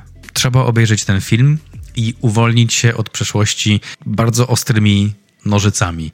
To jest opowieść o dwójce młodych ludzi, którzy poznają się w bardzo przypadkowych okolicznościach i się zakochują w sobie i wszystko, co następuje po tym jest jednym toksycznym walcem, który niszczy szczęście. To jest, to basically to było to. Nie ma tam nic, nie ma tam nic. Jest tylko to. Jest absurd, toksyczna sytuacja, absurd, toksyczna sytuacja, absurd. Już widzę scenarzystę tego filmu siedzącego na wywiadzie w jakiejś telewizji śniadaniowej, który mówi ale to wszystko przecież się wydarzyło, czemu ten film jest taki słaby? Bo trochę sobie wyobrażam, że tego, tego typu sytuacje mogły się wydarzyć w prawdziwym życiu, ale nie o to chodzi w filmie. W, według, według mnie, in my opinion, ten film jest czymś, czego no totalnie nie polecam. Ale na fajny wieczór, na jakąś e, drinking game, Pewnie, czemu nie? Widzę, że ten film Piękna Katastrofa, oryginalny tytuł Beautiful Disaster, ma swój sequel już. Tak jest w tym roku. A, to jeszcze nie wyszedł. Idziemy na to. O, ale ja muszę obejrzeć jedynkę najpierw, bo nie widziałem tego. Nie musisz. Nawet nie zdawałem sobie sprawy, że coś takiego istnieje. Wyobraź sobie po prostu toksyczną relację. That's it. Czyli po prostu sobie wyobrażam piękną katastrofę w swoim umyśle i idę na Piękną Katastrofę 2. Kojarzysz y, Scott Pilgrim? Oczywiście. No to tam y, Chris Evans grał takiego toksycznego gościa. Mm -hmm, to tak. coś takiego. Aha, okej, okay, okej. Okay. Czyli jego wątek to była pierwsza część tego filmu. Powiedzmy, no, to był taki ich wątek, ale oczywiście ch chyba, nie pamiętam już teraz, wybaczcie spoiler, ale z tego co pamiętam, oni chyba kończą jednak razem, w sensie są razem na koniec jedynki i mówią, że będą szczęśliwi. I to trochę zwiastuje dwójkę, ale Nikt nie był zainteresowany, nikt nie prosił, wszyscy potrzebowali i mamy to w tym roku. Piękna Katastrofa 2, ten sam reżyser, no trzeba się wybrać, bo to już jakoś w pierwszym kwartale tego roku. Oczywiście na walentynki, jak można się spodziewać. Na walentynki. Michał, będziesz moją walentynką? Na Pięknej Katastrofie 2? Oczywiście. Słuchaj, ale ty niczego nie zaspoilerowałeś w tym momencie, bo tytuł drugiej części tego filmu to jest Beautiful Wedding. A! Czyli nawet twórcy stwierdzili, że dobra, nieważne, powiemy im, że oni są razem już. Nawet jak nie oglądali jedynki, to będą wiedzieć. Czyli tu będzie wesele jakieś w dwójce. No to okej. Okay. teraz za, zaintrygowałeś mnie, muszę obejrzeć ten film. Zwłaszcza, że rzeczywiście wyreżyserował i napisał go Roger Campbell, który ma na koncie Szkołę Uwodzenia, Szkołę Uwodzenia 2, czy też takie komedie jak Ostrożnie z dziewczynami z Cameron Diaz, czy Zostańmy przyjaciółmi z Ryanem Reynoldsem. Ale też ostatnio, w ostatnich latach wszedł właśnie swój etap szrotów i zrobił film Netflixowy Miłość pod jednym dachem, który też kiedyś widziałem i on jest też na, list, na liście top najgorszych tamtego roku. I zrobił też film After, część 2. After, oczywiście, no to, no to w tym klimacie właśnie. Piękna katastrofa. Okej. Okay. No to tytuł adekwatny bardzo do tego, co tak, powiedziałeś. Tak. Polecam ci, Michał, trochę. Trochę obejrzę. No to został nam numer jeden. Numer jeden. Decydujący tytuł stoimy na podium w trochę różnych miejscach, ale mniej więcej w tym samym klimacie, takich komedii romantycznych, takich nie do końca udanych. Pierwsze miejsce, powiedz mi najpierw, jaki masz e, klimat? Słuchaj, no ja już wiem, że się nie zgramy tutaj, ponieważ ten film już padł na twojej liście. Powiedz mi, jaki to jest gatunek? Horror. Okej, okay, horror? No nie, ja mam komedię nadal ale taką, taką familijno-obyczajową, coś takiego. Słuchaj, no to mój horror też tak naprawdę jest komedią familijną. Wow. No to ja ci powiem tylko, że moja, mój horror slash komedia familijna slash jest tutaj słowem kluczem, to jest oczywiście puchatek, krew i miód. Mówisz, że rodzinna, taka familijna, ponieważ dotyczy to postaci ze stumilowego lasu? Tak, Przyjaciół? Tak, tak, która tutaj morduje niewinnych ludzi. Okay, w tym Krzysia. Sounds like family. W roku 2023. To jest kino familijne. Brzmi jak każda Wigilia. No ty już wymieniłeś go, zaskoczyłem się, że był tak daleko od podium, bo dla mnie to był po prostu najgorszy film tamtego, tamtego roku i pamiętam ten seans. Ten film był tak zły, że my się śmialiśmy dosyć głośno i długo na tym filmie nawet ten, to nie trwało półtorej godziny, to było jakieś 80 parę minut, ale po prostu to było, to była masakra. Oczywiście mój tytuł po tym filmie to jest Winnie the Pooh, pisane P-O-O, rozumiesz? We get it, Michael. Yeah, Okej, okay, kupa. Um, zero horroru, zero po prostu jakiegoś przemyślenia. To jest tak wszystko na szybko zrobione, wrzucone, zmontowane, żeby żeby złapać ten, ten, to momentum, że, że po prostu Kubuś Puchatek jest w domenie publicznej, zróbmy jakiś horror, będzie o tym głośno, zarobimy pieniądze. I tak się stało, było głośno, zarobili pieniądze i od razu momentalnie ogłosili drugą część, która plakat ma po prostu tak zły, że nawet gorszy niż pierwsza część na ekranie kinowym. Gorszy niż polska komedia romantyczna, Tak, bo to jest tak gorszy, gorszy. Jestem w stanie zaryzykować, że gorszy. ale na białym tle? Nie, na czarnym. No to już jest lepszy. Nie? Czekaj, próbuję Lepszy? wykorzystać twoją logikę. Ale lepszy w sensie lepszy, w sensie gorszy. To jest ta logika. Okej. E, No i film, na, na którym e, naprawdę można się dobrze ubawić. My się śmialiśmy, było tu dużo pustego śmiechu na sali. Więcej chyba ludzi się nie śmiało, ale były takie momenty, że ludzie się śmiali. Film pełen absurdów, film, o którym nagraliśmy cały odcinek i powiem ci, że jak w ogóle, jak po latach wspominasz ten film? Po latach. Dobre, dobre. Dobre, Michał! Tak? Mam serio odpowiedzieć? Okej, dobra, w- zróbmy to. Okej. Because that's happening. E, Jak wspominam, no mniej więcej tak jak dzisiaj powiedziałem. No ale Puchatek, no co mogę powiedzieć e, oprócz tego, co powiedziałem jeszcze? Nie za wiele. Nie pamiętam, żeby to było aż takie śmieszne wydarzenie. Trochę go wymazałem z pamięci, ale dlatego, że był słaby. Kostiumy mi się podobały z tego, co pamiętam. I, no, no i nie, nie, nie było tam rewolucji. To, co mówisz na temat wykorzystania Puchatka, ponieważ się zwolnił do domeny publicznej, ma dla mnie sens pod kątem wykonania filmu już po obejrzeniu go. To jakby to jest dobre wytłumaczenie tego antyfenomenu, który widzieliśmy. Tak, ja tu mówiłem o tym pod kątem takim, że on jest bardzo niechlujnie zrobiony. I napisany niechlujnie, i zagrany, zrobiony, zmontowany.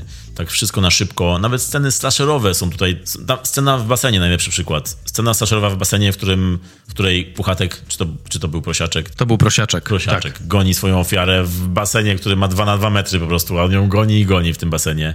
I ta scena no, jest rozleczona, w ogóle nie ma tempa, nie ma sensu zachowanie bohaterów i antybohaterów. No i przez to wszystko, co wymieniłem, ten film jest bardzo zabawny, bo dzięki temu można się bardzo uśmiać na tych scenach. I na takich scenach jak bohaterki podróżujące Fiatem 500, pamiętasz to?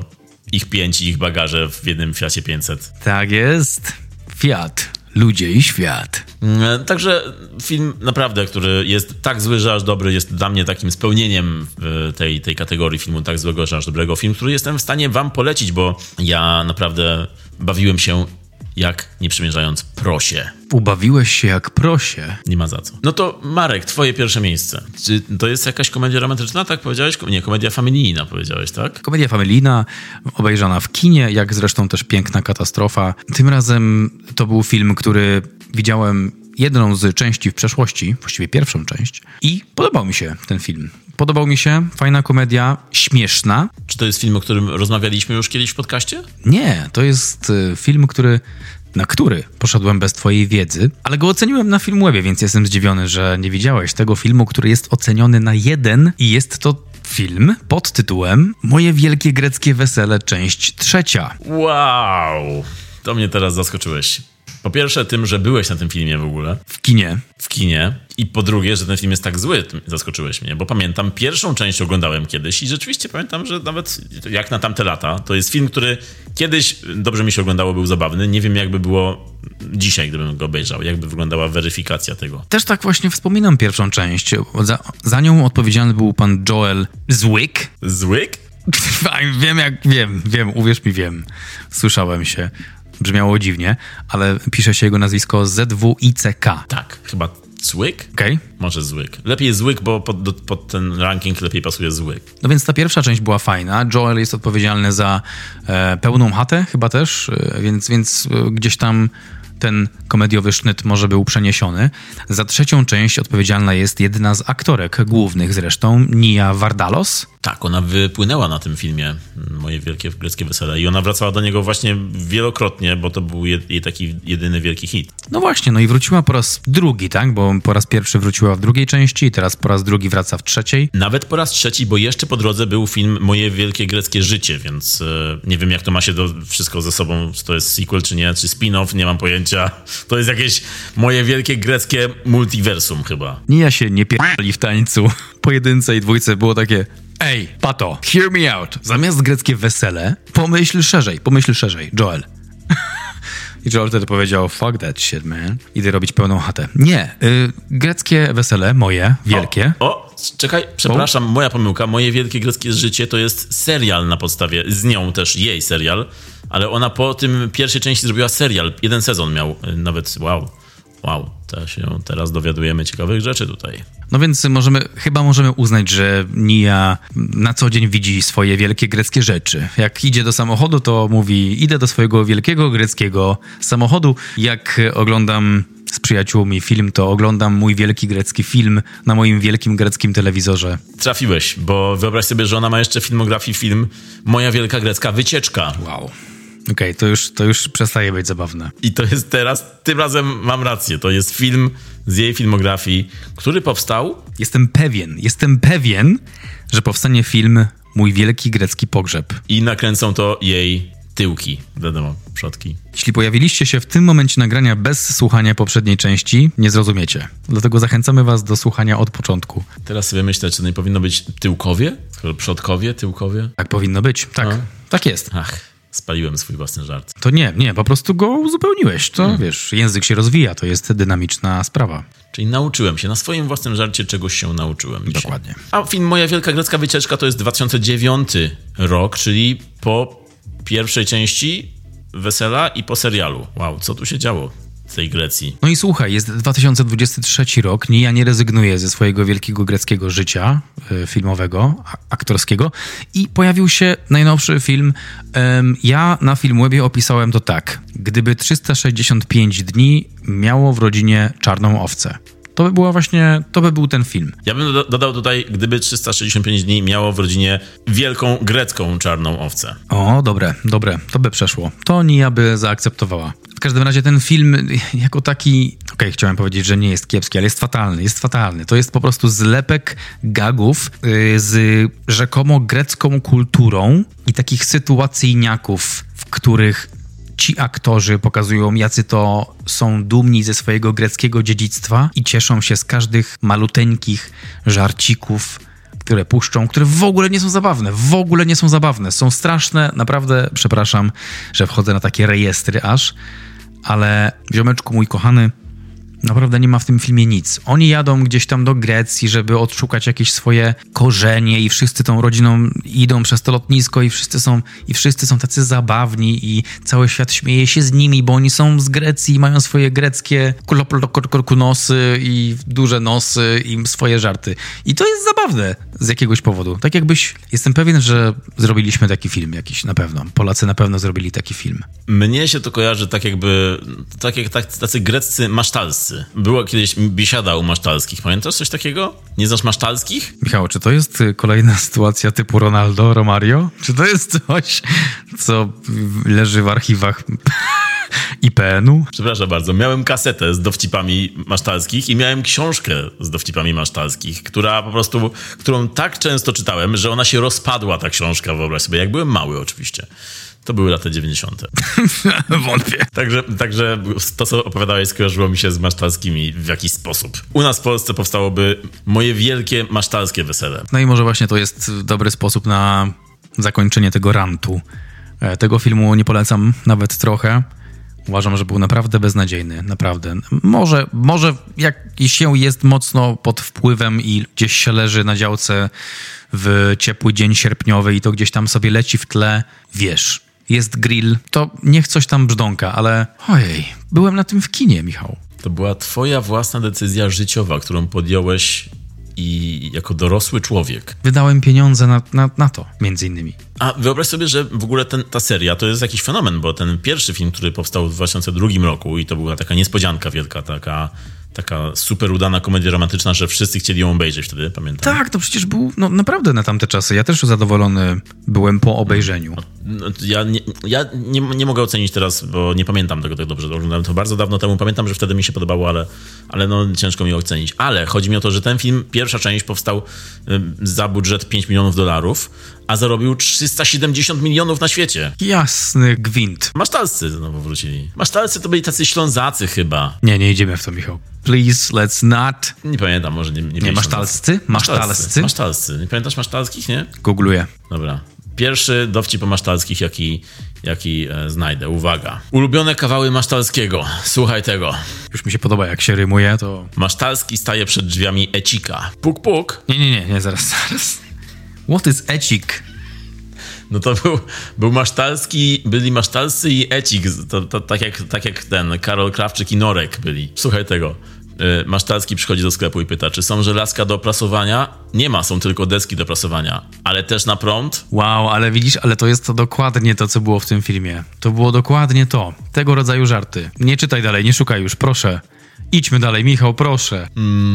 Słuchaj, słuchaj tego. Jezus! Kolega Masztalskiego, Józef Karp, tak się nazywa kolega, jakbyś się zastanawiał. Józef Karp to jest imię, nazwisko kolegi Masztalskiego. Kolega Masztalskiego, Józef Karp, prosi o pokój w hotelu. Z łazienką? Pyta recepcjonista. Panie szanowny, mówi oburzony Józik. Jo ino nazywam się Karp. Fajnie, Michał. Dobra, ostatni. Masztalski i Jecik rozmawiają. Ale u ciebie pachnie różą. No, bo moja róża nogi myje. Wow. Mic drop. Myślę, że od tego rodzaju żartów musimy zaczynać podcast. Also, ja tutaj kisnę ze wstydu, ponieważ powiedziałem żart o kalendarzu, a ty tutaj się po prostu having the time of your life. Przechodzi Masztalski obok koparki i dał się nabrać. Czyli masz tanscy to byli tacy pionierzy dead joke'ów. Robiła babcia na drutach, przejechał tramwaj i spadła. Chodziłem z tą książką po sąsiadach i czytałem im to dowcipy. No sobie. way, naprawdę? Naprawdę. Juziu, Michaś znowu przyszedł. A ja Zapasz wtedy- herbatki. Słuchajcie tego, słuchajcie tego. Ale śmiali się? Dawali ci jakieś ciasteczka czy coś? Tak, tak, tak. Tak na wszystko, czy... Tak, śmiali się i dawali ciasteczka, tak. Okej, fajnie. Tak, no, tak było, tak było. I e, chcesz jeszcze jakiś? Chcę jeszcze jakiś e, film omówić, tak. Michał, bo widzę, że robisz... Ekscytujesz się za bardzo, robisz się czerwony. Ej, Już skończ. słuchaj, czy wiesz, że wśród dowcipów masztalskich był słynny dowcip z filmu Tarantino Pulp Fiction? Szły dwa pomidory przez ulicę, jednego przejechał samochód, drugi popatrzył i zawołał, ty ketchup, wstań, idziemy. O, nice. Tarantino Kto czytał masztalskich. Kto był pierwszy? Masztalscy. Tak. Tarantino czytał masztalskich. Czyli ja i Tarantino czytaliśmy.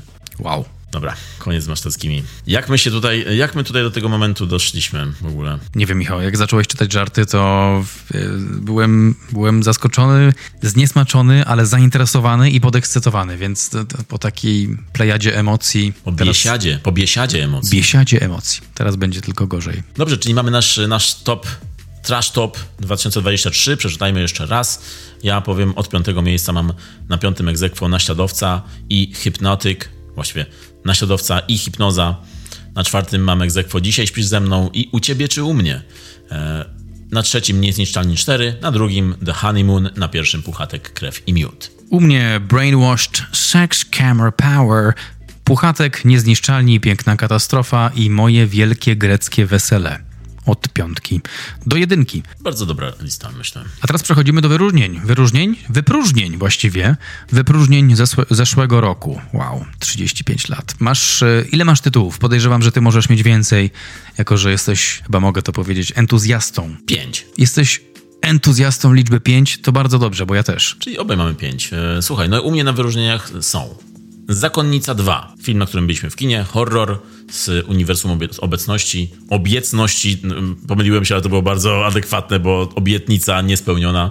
Freud by ci podziękował. Tak, tak, e, czyli coś, co mm, od, już od dwóch części obiecuje nam, że będzie takim horrorem non-sploitation, czyli mo- z motywem zakonnic, e, taki, taki subgatunek, który był kiedyś popularny mm, gdzieś, nie u nas, ale Zakonnica 2 to nie jest e, nic z tych rzeczy. Bardzo to wszystko sztampowe, e, nadużyte. E, To, to, to, to ten, ta Zakonnica cała jest tak mocno nadu- nadużyta w każdym możliwym marketingowym materiale, że w ogóle nie straszy. No i ten film jest po prostu nudny. Jeśli chodzi o horrory, no to dalej mam y, Cmentarz dla zwierzaków. Początki. Seria horrorów, która powstała na podstawie powieści Stephena Kinga, Cmentarz dla zwierzaków, Pet Cemetery. To jest druga część remake'u, który powstał w 2019 roku. Adaptacji, która od nowa jakby resetowała tę serię. Tamten, tamten film Cmentarz dla zwierzaków 2019 był, był ok. Nawet, byłem na nim w kinie, pamiętam, że nawet, nawet mi się podobał. Natomiast ta część to jest taki ta, taka kontynuacja, jakby prequel tamtej części, którego nikt nie potrzebował po prostu. On tłumaczy wątki z tamtego, z tamtego filmu, ale wątki, o których nikt w ogóle nie myślał od tej, od tej pory, więc e, nudny, nijaki, który kończy dialog czasem śmierć jest lepsza. I to samo może widz pomyśleć po obejrzeniu tego filmu.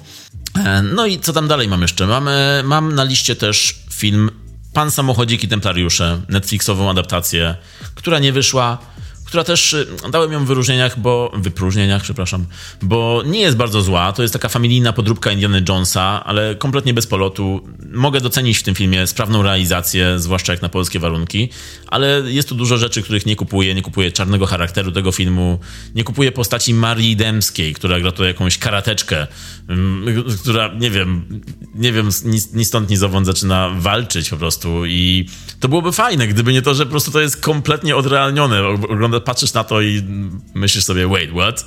Jak się nazywa walizka, którą przynosi na rozprawę oskarżyciel? Karateczka. Wow, jestem z siebie dumny. I to ja jestem od masztalskich, tak? Um, także Pan Samochodzik i Templariusze, takie bardziej rozczarowanie. Nie jest to bardzo zły film, ale jest to film rozczarowujący, zwłaszcza, że zaprojektowali taki fajny samochód tytułowy i kompletnie go nie wykorzystali w tym filmie. No i nie wiadomo też, dla kogo ten film jest adresowany. Czy dla dzieci, czy dla dorosłych, dla młodzieży. Nie wiadomo. Ten film sam chyba nie wie. E, dalej na mojej liście jest film, który jest już bardzo, bardzo zły. Film, który można obejrzeć na Prime Video na Amazonie, czyli film z Bożą pomocą. On a Wing and a Prayer. Najgorszy lot samolotem na taśmie filmowej wszechczasów. I tutaj mówię łącznie z filmami propagandowymi z II wojny światowej. Po prostu jest jeszcze gorzej e, niż można by sobie, niż można by się spodziewać, e, myśląc o filmie samolotowym. To jest film, w którym Dennis Quaid leci samolotem, który ma awarię i muszą go sprowadzić na, na ziemię i jest, przełączamy się między kokpitem a tą wieżą kontrolną i po prostu tak cały film jest przełączanie się z jednego miejsca do drugiego i jest to kompletnie nudne. A jeszcze gorzej, że jest to taka jedna z tych natchnionych szmir, czyli wszystko prowadzi do tego, że e, Dennis Quaid się nawraca i zaczyna wierzyć w Boga i dziękuję Bogu. I, i to jest e, tak złe, że jest bardzo blisko takiego filmu jak Czy leci z nami pilot. No i dialogi Denisa Quaida i Heather Graham, która gra jego żonę, to jest kompletnie inny film. To jest coś jak taki kabaret na weselu po prostu, między nimi te wymiany zdań. Festyn złego aktorstwa i jeszcze gorszych dialogów. Po prostu straszny, straszny film. Ale nie jest aż tak straszny jak tamte, które wymieniłem. Ten jest po prostu bardzo nudny i nieudany i, e, i tak. No i jeszcze takie wyróżnienie ode mnie zasługuje chyba ten film. To jest Meg 2, Głębia. Film, na którym byliśmy, film ze Stathamem. Film, który jest raczej z kategorii tak złych, że aż dobrych. Jest lepszy pod tym względem niż pierwsza część, która była raczej nudna. E, z tym, że tutaj za dużo jest e, spiskowania, za dużo podlizywania się Chinom, bo ten film, ten film jest robiony pod Chiny żeby zarobić jak najwięcej, a za mało jest tego mega w megu, czyli tego, po co przychodzimy na ten film. Natomiast ten ostatni akt tego filmu działa dobrze. Jest tam dużo rozwałki, dużo rozrywki i jest Tatham rzucający swoimi tekstami Także wtedy dopiero ten film działa i jest bardziej świadomy, ale ogólnie na wyróżnienie zasługuje. Jak to u ciebie? No to u mnie lecąc od... A właściwie nie ma tutaj żadnych miejsc. Jest tu na liście Blue Beetle, e, produkcja DC od niedawna na HBO Max, a już niedługo samo Max. Blue Beetle... Um, Kolejna opowieść o superbohaterze, takie origin story, jak to chłopak z nieuprzywilejowanego środowiska dostaje szansę na bycie kimś wyjątkowym e, superbohaterem komiksowym, ale też dla swojej rodziny. Widzieliśmy już to miliardy razy. Wszyscy na tej planecie, każdy co do jednego. E, nie, ale w, w, ten film był trochę powtórzeniem konwencji i, i tak mi się oglądało go w, charakterze okej, okay, odhaczmy kolejny checkbox, bo traci coś ważnego, kogoś ważnego, e, coś złego się dzieje, znajduje w sobie siłę, ponieważ jakaś trauma w nim striggerowała coś, co sprawia, że ma tą siłę. Fajnie, ale 20 lat temu. Tak myślę o tym e, filmie. Zakonnica również u mnie się znalazła. Widzieliśmy ten film razem. Była to rzeczywiście obietnica. Nie, jak to powiedziałeś? Obiecność. Była to rzeczywiście kiepska obiecność. I była to też zła konnica. I była to też zagłodnica, pamiętasz? Pamiętam. Co to był za żart? Czy jesteśmy na tyle odważni, żeby go przywołać? Wiem tyle, że to jest po prostu jakaś kopalnia tekstów tutaj w tym podcaście i one wszystkie się marnują. Powinniśmy wydać jakąś książkę, tak jak dowcipy o masztalskich. Masztalscy again. Make masztalscy great again. Idąc dalej mam Fast X. Pierwszą nie, część. Nie, ten film był. Wow, okej. Okay. Nie wymieniłem go na żadnej z tych list, bo on mi się podobał nadal. Who cares, man? Jest... Dlatego ty też nie możesz, Marek. Niestety e, przełamałem jedyną obietnicę naszej przyjaźni i wrzuciłem ten film tutaj. Czemu? Because bro. Znaczy, to jest bardzo kiepski film i my na niego chodzimy. Okej, okay, powiem za siebie. Ja na niego chodzę dla czystej rozrywki. W sensie wiem, że tam nic nie będzie się trzymało kupy, ale chcę zobaczyć Dona, który skacze w tunel z gestem strongmana. Ojej. Chcę usłyszeć to po raz trzytysięczny, że robi to wszystko dla rodziny i że to jest najważniejsze. To jest, to jest dla, tych, dla tych powodów chodzę na film. I ten ale... film to wszystko robi, dlatego jest na liście tych najlepszych, prawda? Mm, prawda, że nieprawda. Let's agree to disagree. Yes! Dalej mam mężczyznę imieniem Otto i to jest taki serious pick, taki, taki poważny wybór, ponieważ czytałem książkę wcześniej. Jest to szwedzka książka szwedzkiego autora. Powstał też szwedzki film, którego nie widziałem, natomiast czytałem książkę i z tej książki, jak to bywa w tych skandynawskich powieściach, jest mroczniej. Ten Otto nie jest takim zamerykanizowanym hollywoodzkim gościem, który przy pierwszej lepszej okazji się nawraca. Jest to trudna powieść. Mężczyzna imieniem Otto z Tomem Hanksem tego nie pokazywał. On pokazywał taką wartość, miłość, że miłość jest taka piękna i w ogóle jak poznajesz kogoś na stacji kolejowej i siadacie razem w tym samym przedziale, to przez resztę życia wdychasz zapach czekolady. E, było to bardzo zamerykanizowane, bardzo takie aż za bardzo zromantyzowane i wydaje mi się, że ten film byłby lepszy, gdyby miał troszkę więcej tego podejścia, okay, bądźmy poważni, ten człowiek mimo wszystko z każdym mijającym dniem chciał się powiesić. E, jakby to jest poważna sprawa. W filmie Marka Forstera tego nie dało się odczuć. Były momenty emocjonalne, można było zachlipać, bo jednak ten film pokazywał obraz idealnej e, miłości i wiem, że takie się zdarzają. Nie jestem głupi, oglądałem Klan. I wiadomości. Nie, ale tak poważnie to ten, temu filmowi przydałoby się troszeczkę więcej e, lojalności wobec e, materiału źródłowego, ponieważ książka była naprawdę świetna. E, no i tego nie widziałem w tym filmie już się zamykam na ten temat. I tak wam polecam mężczyzna imieniem Otto, Tom Hanks. To jest taki trochę to nie może się nie udać. W sensie ja mam trochę inny background, no bo inaczej podszedłem do tej historii trochę wcześniej, ale nadal jest to taka jest to taka opowieść o wartościach, które są mi też bliskie. Czyli weszliśmy w topkę najlepszych filmów? Bo pogubiłem się. Nadal polecam, polecam. Trochę polecam. Okej, okay, teraz lepiej. Trochę polecam, bo jednak jest tam miłość. Miłość jest e, bardzo ważną rzeczą w życiu, według mnie. Akurat z tą wartością się zgadzam, ale nie podobało mi się, wiesz co mi się nie podobało? To, że um, America! Fuck yeah! Wzięła film i pokazała to po prostu w taki hollywoodzki sposób. A jednak e, w tych skandynawskich powieściach, czy chociażby w tej książce, ma wartość też to, że te czasy są trudne. Pokazywanie trudnych czasów ma wartość. No i ostatnim filmem to Ant-Man i Osa. Kwantomania? Mhm, no, aż tak źle ci wszedł, bo powiem, czy mnie aż tak źle nie wszedł. W sensie nie był dobry według mnie, ale nie uważam, żeby był też zły. Ja temu filmowi dałem cztery. E, z podobnych powodów co Blue Beetle, tylko że Blue Beetle dostał piątkę, bo to jest DC. Screw You, Marvel, również e, nie ale trochę tak. Ja ten film trochę polecam, tylko mnie już po prostu chyba znudziła ta konwencja. To jest chyba jedyny powód. Chociaż nie, CGI też było czasami tragiczne. No i miałem wrażenie, że już pchamy coś na siłę, że już ta, tego rodzaju historia była opowiedziana, czemu jesteśmy w tym miejscu. Stawiając na drugim końcu spektrum takiego Roketa w Strażnikach Galaktyki 3 to była zupełnie nowa opowieść. Ona zredefiniowała wszystkich w tej ekipie strażników. E, Ant-Man pokazał tylko jeszcze głębiej te problemy, które były wcześniej. Nic nowego według mnie tam nie było. Mnie ten film podobał się jako komedia. Polrad zawsze mnie śmieszy. Tutaj był na dokładkę jeszcze ten Modok, który bardzo śmieszył w swoich scenach, właściwie kradł te sceny. No i jako komedia taka za 200 milionów dolarów, co jest za dużo, za dużą ilością pieniędzy jak na komedię, ale jak na taką bawiła mnie. Ale ale okej, okay, ja to rozumiem, rozumiem. Ja jeszcze po tych twoich może wyróżnieniach odniósłbym się jeszcze do jednej rzeczy, ponieważ często ostatnio widzę w topkach najgorszych e, film e, The Palace Romana Polańskiego. Nowy film z 2023 roku, film, który przemknął przez kina, bo nikt go nie chciał oglądać.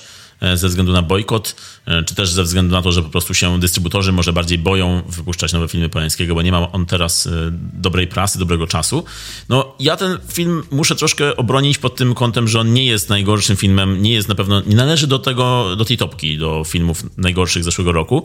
On rzeczywiście ma elementy takie nieudane, zwłaszcza jeśli patrzymy na karierę Polańskiego i na jego filmografię. No i tu rzeczywiście Polański jest najbliżej takiej właśnie polskiej komedii z białym plakatem w swojej karierze mm, bo ten film jest taką głupkowatą komedią z nawet złe CGI tu się, pojawia, tu się pojawia, ale to chyba bardziej ze względu na to, że on nie miał budżetu, bo nie mógł znaleźć pewnie finansowania. Jest to film bardziej w klimacie Białego Lotosu, czyli um, hotel, w który, którego rezydenci po prostu są jakby taką jedną wielką satyrą. Ten film jest ogólnie taką satyrą przełom mileniów i, i jako satyra myślę, że ma momenty, które działają, ma momenty, które są głupkowate, ale no nie jest y, na przykład, nie jest to złe kino, bo, bo traktuje to bardziej na film, jak, bardziej jako zgrywę Polańskiego i Skolimowskiego, który też pisał scenariusz. I jako zgrywa momentami działa. Jest tutaj dobry John Cleese w gagach z rodem z weekendu Uberniego. E, ogólnie ten film ma dużo gagów poczucia humoru lat 90., myślę. Co może się nie podobać, ale też nie uważam, że to jest coś bardzo złego. Ten film ma coś w sobie, ma, ma jakiś wydźwięk też polityczny, bo przewija się tutaj w, w tle e, komentarz czytelny zwłaszcza dla Europejczyków. E, choć przykryty jest bardzo niepoważną komedią, której zresztą puenta na sam koniec jest pies wydymał pingwina. To jest finał tego filmu. E, taki oczywiście metaforyczny i bardzo niepoważny.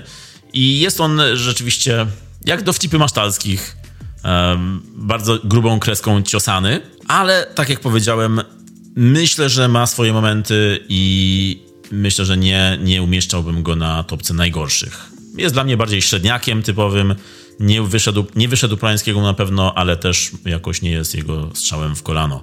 Tak mi się wydaje. No i też przypominajka taka, że filmy hotelowe skończyły się kiedyś na czterech pokojach, a, także nie ma co się zabierać chyba za takie filmy. Cztery pokoje wyczerpały temat. Nie, ale świetny film. To co, może jeszcze na co, na co czekamy? Jak już analogicznie znowu robimy. W tamtym odcinku o najlepszych pytaliśmy, na co czekamy w 2024 roku, no to na jakie złe kino, na jaki trash czekamy w 2024? Ja to trochę tak potraktowałem jako pytanie, czego się obawiam w tym roku? Co może nie wyjść? Kiedy się rozczaruję lub kiedy się skrinżuję na maksa? I mam tu kilka tytułów. Niektóre z nich pojawią się niedługo w kinach, na przykład Kogel Mogel 5, e, Anny Wieczór, wieczór przez U otwarte pisane. E, trochę się boję tego, bo, no bo Kogel Mogel kiedyś, to trochę jak moje wielkie greckie wesele. Mój wielki Kogel Mogel był, był fajny kiedyś, ale z, z, wraz chyba z, chyba z upływem czasu to mogło trochę stracić na jakości. Pełny tytuł to Baby Boom, czyli Kogel Mogel 5. Baby pisane przez EJ? Czy tak baby, czy baby? Baby. Baby, o. Okay. Boom też przez dwa O pisane. Aha, czyli z angielskiego jednak myślałem. Jednak tak. E, no zobaczymy, co to będzie. Te polskie komedie współczesne, I don't know, że tak zacytuję klasyka. Nie mówię, że to będzie coś złego. Po prostu obawiam się, że jak to zobaczę, to, to, to no właśnie. Myślę, że możemy śmiało powiedzieć, że to będzie coś złego, bo poprzednie części, te nowe tej serii, to jest jakaś tragedia. I e, słusznie obawiasz się tego filmu, myślę, bo na pewno będzie bardzo zły.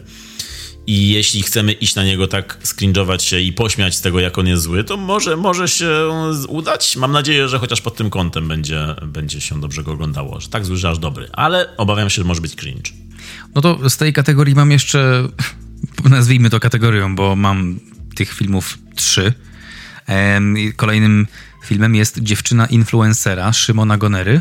Jestem ciekaw, jestem ciekaw, ale widziałem zwiastun i myślę, że to będzie podobne kino. Myślę, że to będzie trochę takie 365 dni, tylko ludzie 20 lat młodsi, nie wiem. Zobaczymy. Chętnie na to pójdę, żeby nie było. Zobaczę. Też potraktuję to trochę w tym samym klimacie. Dalej mam Piękną Katastrofę 2, więc kolejny film z tego samego klimatu. I ten klimat się teraz kończy, a za chwilę powiem o filmie, którego na poważnie się obawiam. Dziewczyna influencera brzmi jak taki film z serii polskich filmów Chodźcie zobaczyć całą prawdę o influencerach. Dziewczyny z Dubaju. Dokładnie, tak. To jest coś, co Patryk Wega mógłby zrobić, taką dziewczynę influencera. I możemy przejść, bo Patryk Wega wraca w tym roku. Patryk Wega wraca? Papryk Wega? Tak, i mam nadzieję, że będzie coś na zasadzie niewidzialnej wojny, bo ten film był tak zły, że aż dobry, że można. Uśmialiśmy się na nim jak Patryk Wega na, nie wiem, w swoim, w swoim Lamborghini. Zresztą, ta, zresztą scena, słynne ujęcie Rafała Zawieruchy jako Patryka Wegi po przedawkowaniu, to, to jest chyba coś, co powinniśmy używać jako okładki tego odcinka przez lata w, w, w przód. Piękne, to jest piękne. To powinno być profilowe każdego szanującego się dżentelmena. Czyli z czym wraca? Wraca z widzialną wojną, wraca z filmem Putin. Ach tak, miało być coś, tak. I już jest zwiastun tego filmu, który wygląda. Nawet nie wiem, ciężko opisać to słowami, jak on wygląda. To chyba trzeba zobaczyć. I to w tym roku? Tak, w tym roku wychodzi Super. Putin. Tak, jego film, jego pierwszy film po niewidzialnej wojnie, która to obiecywała y, to, że on kończy robić filmy w Polsce i wyjeżdża za granicę do Hollywoodu pewnie w domyśle i robi tam filmy i tymczasem robi film, który jest również polską koprodukcją, czyli Putin. Cała prawda o Putinie będzie. W rolach głównych Patryk Wega. W zwiastunie, widziałeś zwiastun? Nie?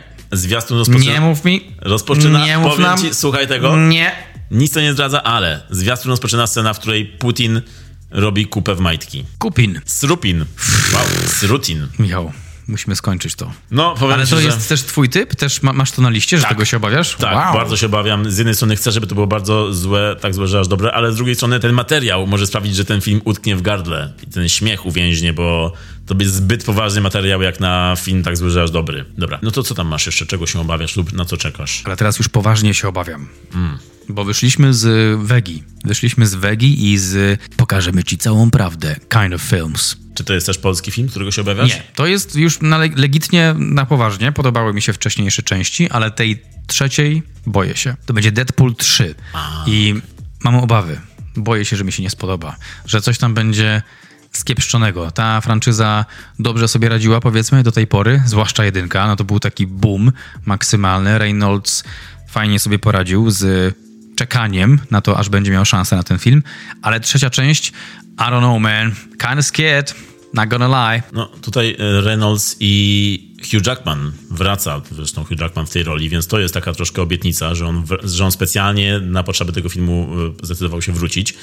Ale z drugiej strony e, za ten film ma odpowiadać, reżyseruje go Sean Levy. Ja, Levi. Tak, nie prawy, lewy. I on ma w filmografii filmy, które często nie działały, które jako komedie były bardzo suche i, i, i nie podchodziły mi. Tutaj mówię na przykład o remake'u Różowej Pantery ze Steve'em Martinem, o serii Noc w Muzeum, czy też filmie Projekt Adam do Netflixa z Reynoldsem też zresztą. No także mm, z tym reżyserem to może pójść w różnym kierunku, ale no zobaczymy rzeczywiście. Natomiast ja się obawiam, wiesz czego ja się obawiam? Nie? filmu polskiego, który jest powrotem do starej serii. I mówię tu o filmie Sami swoi początek. A tak? To dopiero może nie wyjść. E, Czwarta część serii po tylu latach, którą reżyseruje Artur Żmijewski, aktor. E, I ojciec Mateusz również w jednej osobie. Coś masz, coś masz, widzę. Czy to jest żart o kalendarzu? Czy po prostu sobie przypomniałeś jakichś dowcip powasztalskich? Rozbawiłeś mnie tym połączeniem. Ojciec Mateusz i reżyser. I to mnie rozbawiło. Dobrze, no sami swój początek to może, to może nie wyjść, mimo że jest scenarzysta, który napisał oryginalną trylogię, ale z drugiej strony, no po tylu latach może ten powrót mu też nie wyjść na dobre. No i jedyny zły film, na który czekam, to jest Puchatek 2, który pojawi się w lutym i na którego mam nadzieję wybierzemy się razem i opowiemy o nim w tym podcaście. Ja też mam taką nadzieję, Krzysiu. Miód na meuszy. To jak szła ta piosenka, to już jest koniec, możemy iść. Starzy ludzie śpiewają to, więc e, jako, że mam 35 lat, to automatycznie wskoczyło w mój repertuar. E, Podobnie jak żarty o masztalskich. Masztalskich? Tak, masz talskich. Również nie, nie, nie, nie wskoczą one, one nigdy, ale to jest spoko w ogóle baza do, do suchych żartów. E, Dzisiaj już, chyba że jakiś na koniec jeszcze znajdziesz? Mówić masz. Uwaga. Masztalski staje przed drzwiami Ecika. Puk, puk. Zaczekaj, jeszcze, jeszcze to nie koniec.